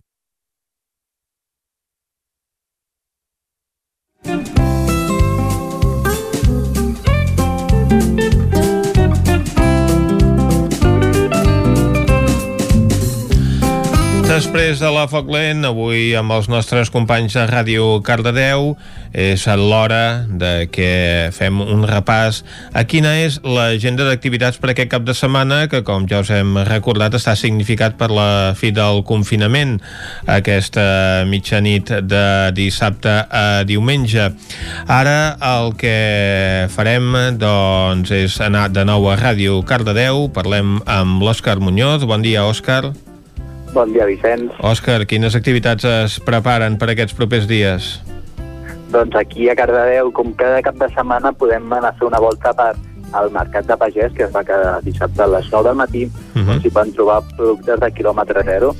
I si no volem només menjar, eh, ens podem anar a Granollers, uh -huh. avui i demà tenim el Mercat del Disc doncs, tot el dia a la plaça Lluís Perpinyà, el mar... i ja això cap a dissabte eh, doncs tenen tots els mercats que normalment comentem, com el mercat setmanal dels dissabtes amb els pagesos i productors ecològics del territori a la plaça de la Corona, el mercat de Brocanters, tot el dia a la plaça Josep Manuquer i Salvador, els encants solidaris de l'Associació Protectora Vila Animal a la plaça Lluís Perpinyà i el mercat d'artesans d'alimentació a la plaça de les Olles. Uh -huh. Tot això és el, com comentàvem, que és el de sempre, però aquest cap de setmana també hem trobat una fira mercat a Canovas i Samalús tenim la fira mercat de Sant Pons Molt bé. aquest any és la trentena edició Mhm. i enguany eh, no hi haurà programa d'activitats ni tampoc hi haurà les tradicionals hereus i cubilles Uh -huh. el que sí que hi haurà és aquest mercat fira que hem comentat amb un munt de paradetes de mercats artesanals i d'entitats del municipi on també hi haurà una secció on hi haurà això, eh, empreses locals per oferir menjar i productes frescos a càrrec de restaurants de la zona com el Sant Can Garriga, l'Hortet de l'Helena, la Pizzeria 1900 i la Tavella. Tot això ho podrem gaudir aquest cap de setmana, i diumenge, a l'horari de 10 del matí fins les fins a les 8 del vespre. I tot això hi serà a la pista polideportiva de Cànovas i Samalús. Molt bé, doncs, eh, Òscar, moltes gràcies. A vosaltres. Ara nosaltres anem cap al Ripollès, eh, anem a parlar amb l'Isaac Muntades, perquè ja us hem dit que Ripoll està de festa major. Isaac, bon dia de nou. Bon dia, Vicenç. Doncs sí, està de festa major i si voleu, eh, ja ho hem repassat també una mica a l'entrevista abans amb en Joan Colomer i a l'informatiu, però us destacaré alguns dels actes eh, més importants de, de cada dia, amb, amb, amb hora també, que, que així també sabreu eh, quan es fan. Aquest divendres, per exemple, que en Joan ens ho comentava, hi ha el pregó a càrrec de la Núria Jiménez, que és sanitària de l'Hospital eh, de Can de Bànol, per tant, doncs, evidentment, amb la pandèmia no podia ser d'una altra manera que, que fes el pregó, serà a la plaça Bat Oliva a dos quarts de set de la tarda, després també el mateix dissabte, el mateix divendres tenim els versots i traca d'inici d'actes de Sant Eudal a càrrec dels Diables de Ripoll, a les 8 del vespre també a la plaça Bat Oliva. Uh -huh. Baixem el dissabte, on també hi ha bastants eh, concerts eh, tant a la plaça de Lira com a la Sant Eudal com a la, la Oliva durant eh, tot el matí i tota la tarda. Eh, tenim, per exemple, eh, The Rastis, versions amb Jordina i Albert i Guillem Soler, Swing Boy Jazz Quartet, i l'acte més destacat potser és l'activitat dels superherois Pop per Xics, que es farà a la plaça Bat Oliva per als més petits a les 12 del migdia. El diumenge, sobretot, el vermut electrònic que ens destacava en Joan de 12 a 5 de la tarda a la plaça Gran. També hi ha concert amb les coples principals de la Bisbal i Mongrins a dos quarts de, de 6 i el concert de Marcel i Júlia a les 7 a la plaça Bat Oliva. Dilluns tenim l'Skate Room que se celebra a la tarda al centre de la vila i dimarts, doncs, que evidentment doncs, és el dia de Sant Eudal, doncs ja, ja tenim l'ofici solemne de, de Sant Eudal, la missa, al monestir de Santa Maria de Ripoll a dos quarts de dotze, la plantada de gegants tot seguit a la, a la plaça Bat Oliva i tot un seguit d'activitats, eh, doncs, per exemple, que culminen a, a les 6 de la tarda amb l'orquestra salvatana, però també hi ha DJs, Marina Prat, Alejandro Delgado, eh, de Tàfanes, Bonaflaire, per tant, tenim un, una gran quantitat de, de cantants que ens amenitzaran uh, la diada uh -huh. i finalment el dimecres per acabar ja uh, tenim uh, l'espectacle de màgia i confeti en Pere Rafart a les 12 del migdia a la plaça Sant Eudal, Habaneres amb el grup Portbó a les 5 de la tarda a la plaça Bat Oliva i per acabar focs artificials, evidentment, que es podran veure des de qualsevol punt de Ripoll. Aquest any doncs, no cal moure's uh, per, per veure'l, serà a les 10 del vespre. Mm. Molt bé, doncs eh, moltes gràcies, Isaac. A vosaltres. Ara nosaltres anem a una codinenca on ens espera la Caral Campàs. Caral, quines activitats Hola, hi ha doncs... en aquesta zona del Moianès i del Vallès Oriental? Doncs mireu, eh, trobem um, una doncs, celebració i em centrarem uh -huh. en. Sant Feliu de Codines que celebra aquest cap de setmana la festa del medi ambient serà durant dissabte i diumenge eh, que és una festa que han, que han titulat com l'Ecodines que uh -huh. s'enmarca dins la vuitena edició de la campanya Let's Clean Up Europe um, que va ser de, del 7 de maig i es faran activitats vinculades amb el medi ambient, el reciclatge i, i la natura. Uh, començarà tot tot plegat dissabte al, al matí eh, i d'11 a 2 a la zona d'aparcament del centre cívic La Fonteta es realitzaran doncs, activitats gratuïtes, hi haurà doncs, un taller amb bicicletes estàtiques, hi haurà altres eh, jocs per fer en família i fins i tot un, un fotocol.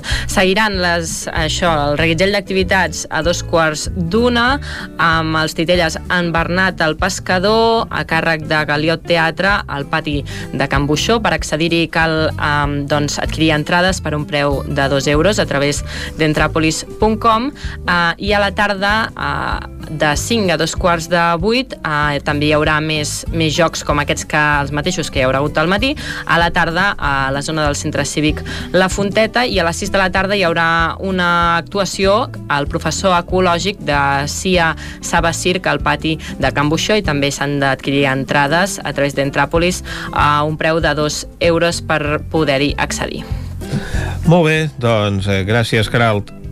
A vosaltres. Ara nosaltres anem a parlar de l'actualitat a la comarca d'Osona amb en Miquel R. Miquel, bon dia. Molt bon dia. Com es presenta aquest cap de setmana? Doncs aquest cap de setmana us porto un parell de propostes. Molt bé. Un parell de propostes amb calor, a més a més, no? farà bo, tot i que diumenge sembla que ens, que ens farà un tomb, però de moment cap, cap d'elles el, el diumenge a les 0 hores, no? Perquè el nostre meteoròleg, en Pep Acosta, ja ens ha dit que hi haurà una desbandada el diumenge a aquella hora coincidint amb la fi de l'estat d'alarma. Que... Sí, serà curiós aquest cap de setmana. No sé, eh, ho van fer una mica malament, crec, això, no? Perquè a les 10 s'acaba aquestes dues hores aquí al mig i a les 12 campi qui pugui. el confinament, a les 12 s'acaba l'estat d'alarma i veurem a veure què fet, passa. serà rondar per, per rondar perquè en teoria tot eh, establiments de nit, tot està tancat, activitats culturals... La restauració eh, està tancada, activitats culturals correcte també, per tant serà voltar per voltar, però possiblement, possiblement voltaran. Jo us proposo una altra cosa per qui vulgui voltar dissabte a la tarda, i és eh, la mostra d'entitats i músiques de Vic. Uh mhm. -huh. Estem parlant ja d'una iniciativa que porta 17 edicions, l'any passat evidentment no es va poder fer, i és una proposta que ens la podem agafar així també, a part de descobrir entitats que segurament com algú, algunes no, no, no, en, no en tenim coneixement, és una manera lúdica de passar la tarda, no? Això, uh -huh. la, mhm. la iniciativa comença a les 5 de la tarda i acaba a les 9 del vespre i la gràcia és que cada una de les entitats acostuma a muntar també el, doncs, les seves activitats vinculades doncs, a, a, amb el que fan diàriament hi han dos escenaris un al, al passeig i l'altre a la Rambla del Carme que també es aniran succeint activitats hi haurà actuacions musicals eh, destaca per exemple el punt i final que just abans de les 9 del vespre quan tanquen amb el Matthew McDead per tant, eh, més que una, un programa concret és una mica deixar-se deixar, -se, anar, passejar uh -huh. per la Rambla del Passeig i del Carme i, i a veure què, què ens hi trobem. Recordem que aquest any són una quarantena de col·lectius, menys que alguns anys enrere, també és veritat que amb la pandèmia hi ha hagut una refrenada, hi ha moltes entitats que diguéssim que han d'anar que no estan actives. refent, que no estan actives o que han d'anar recuperant múscul un altre cop, és una fira que inicialment havia nascut aquí al passeig d'en Pep Ventura. Eh, fa 4 o 5 anys es va traslladar allà també hi havia un problema el dia que havia plogut per, per, per inconvenients i això.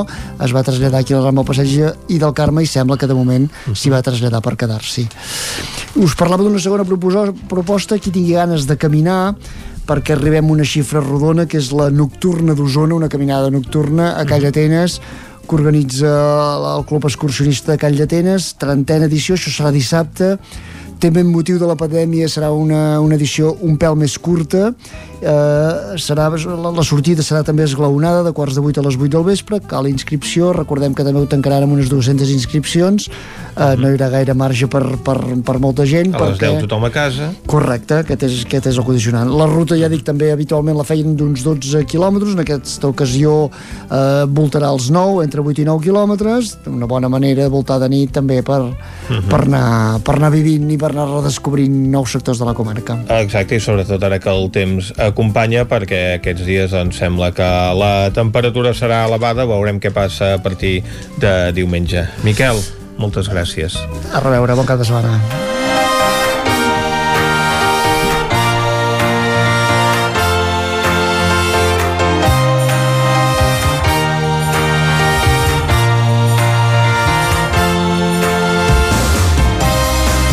Amb aquest seguit de propostes per fer aquest cap de setmana tanquem el Territori 17 d'aquest divendres.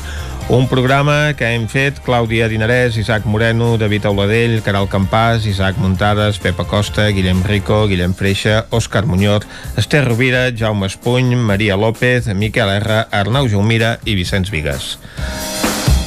Nosaltres tornarem dilluns a les 9 del matí. Serà fins llavors.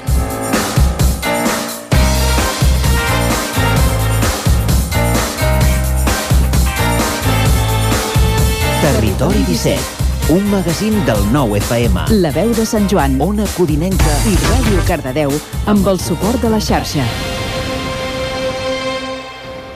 El nou FM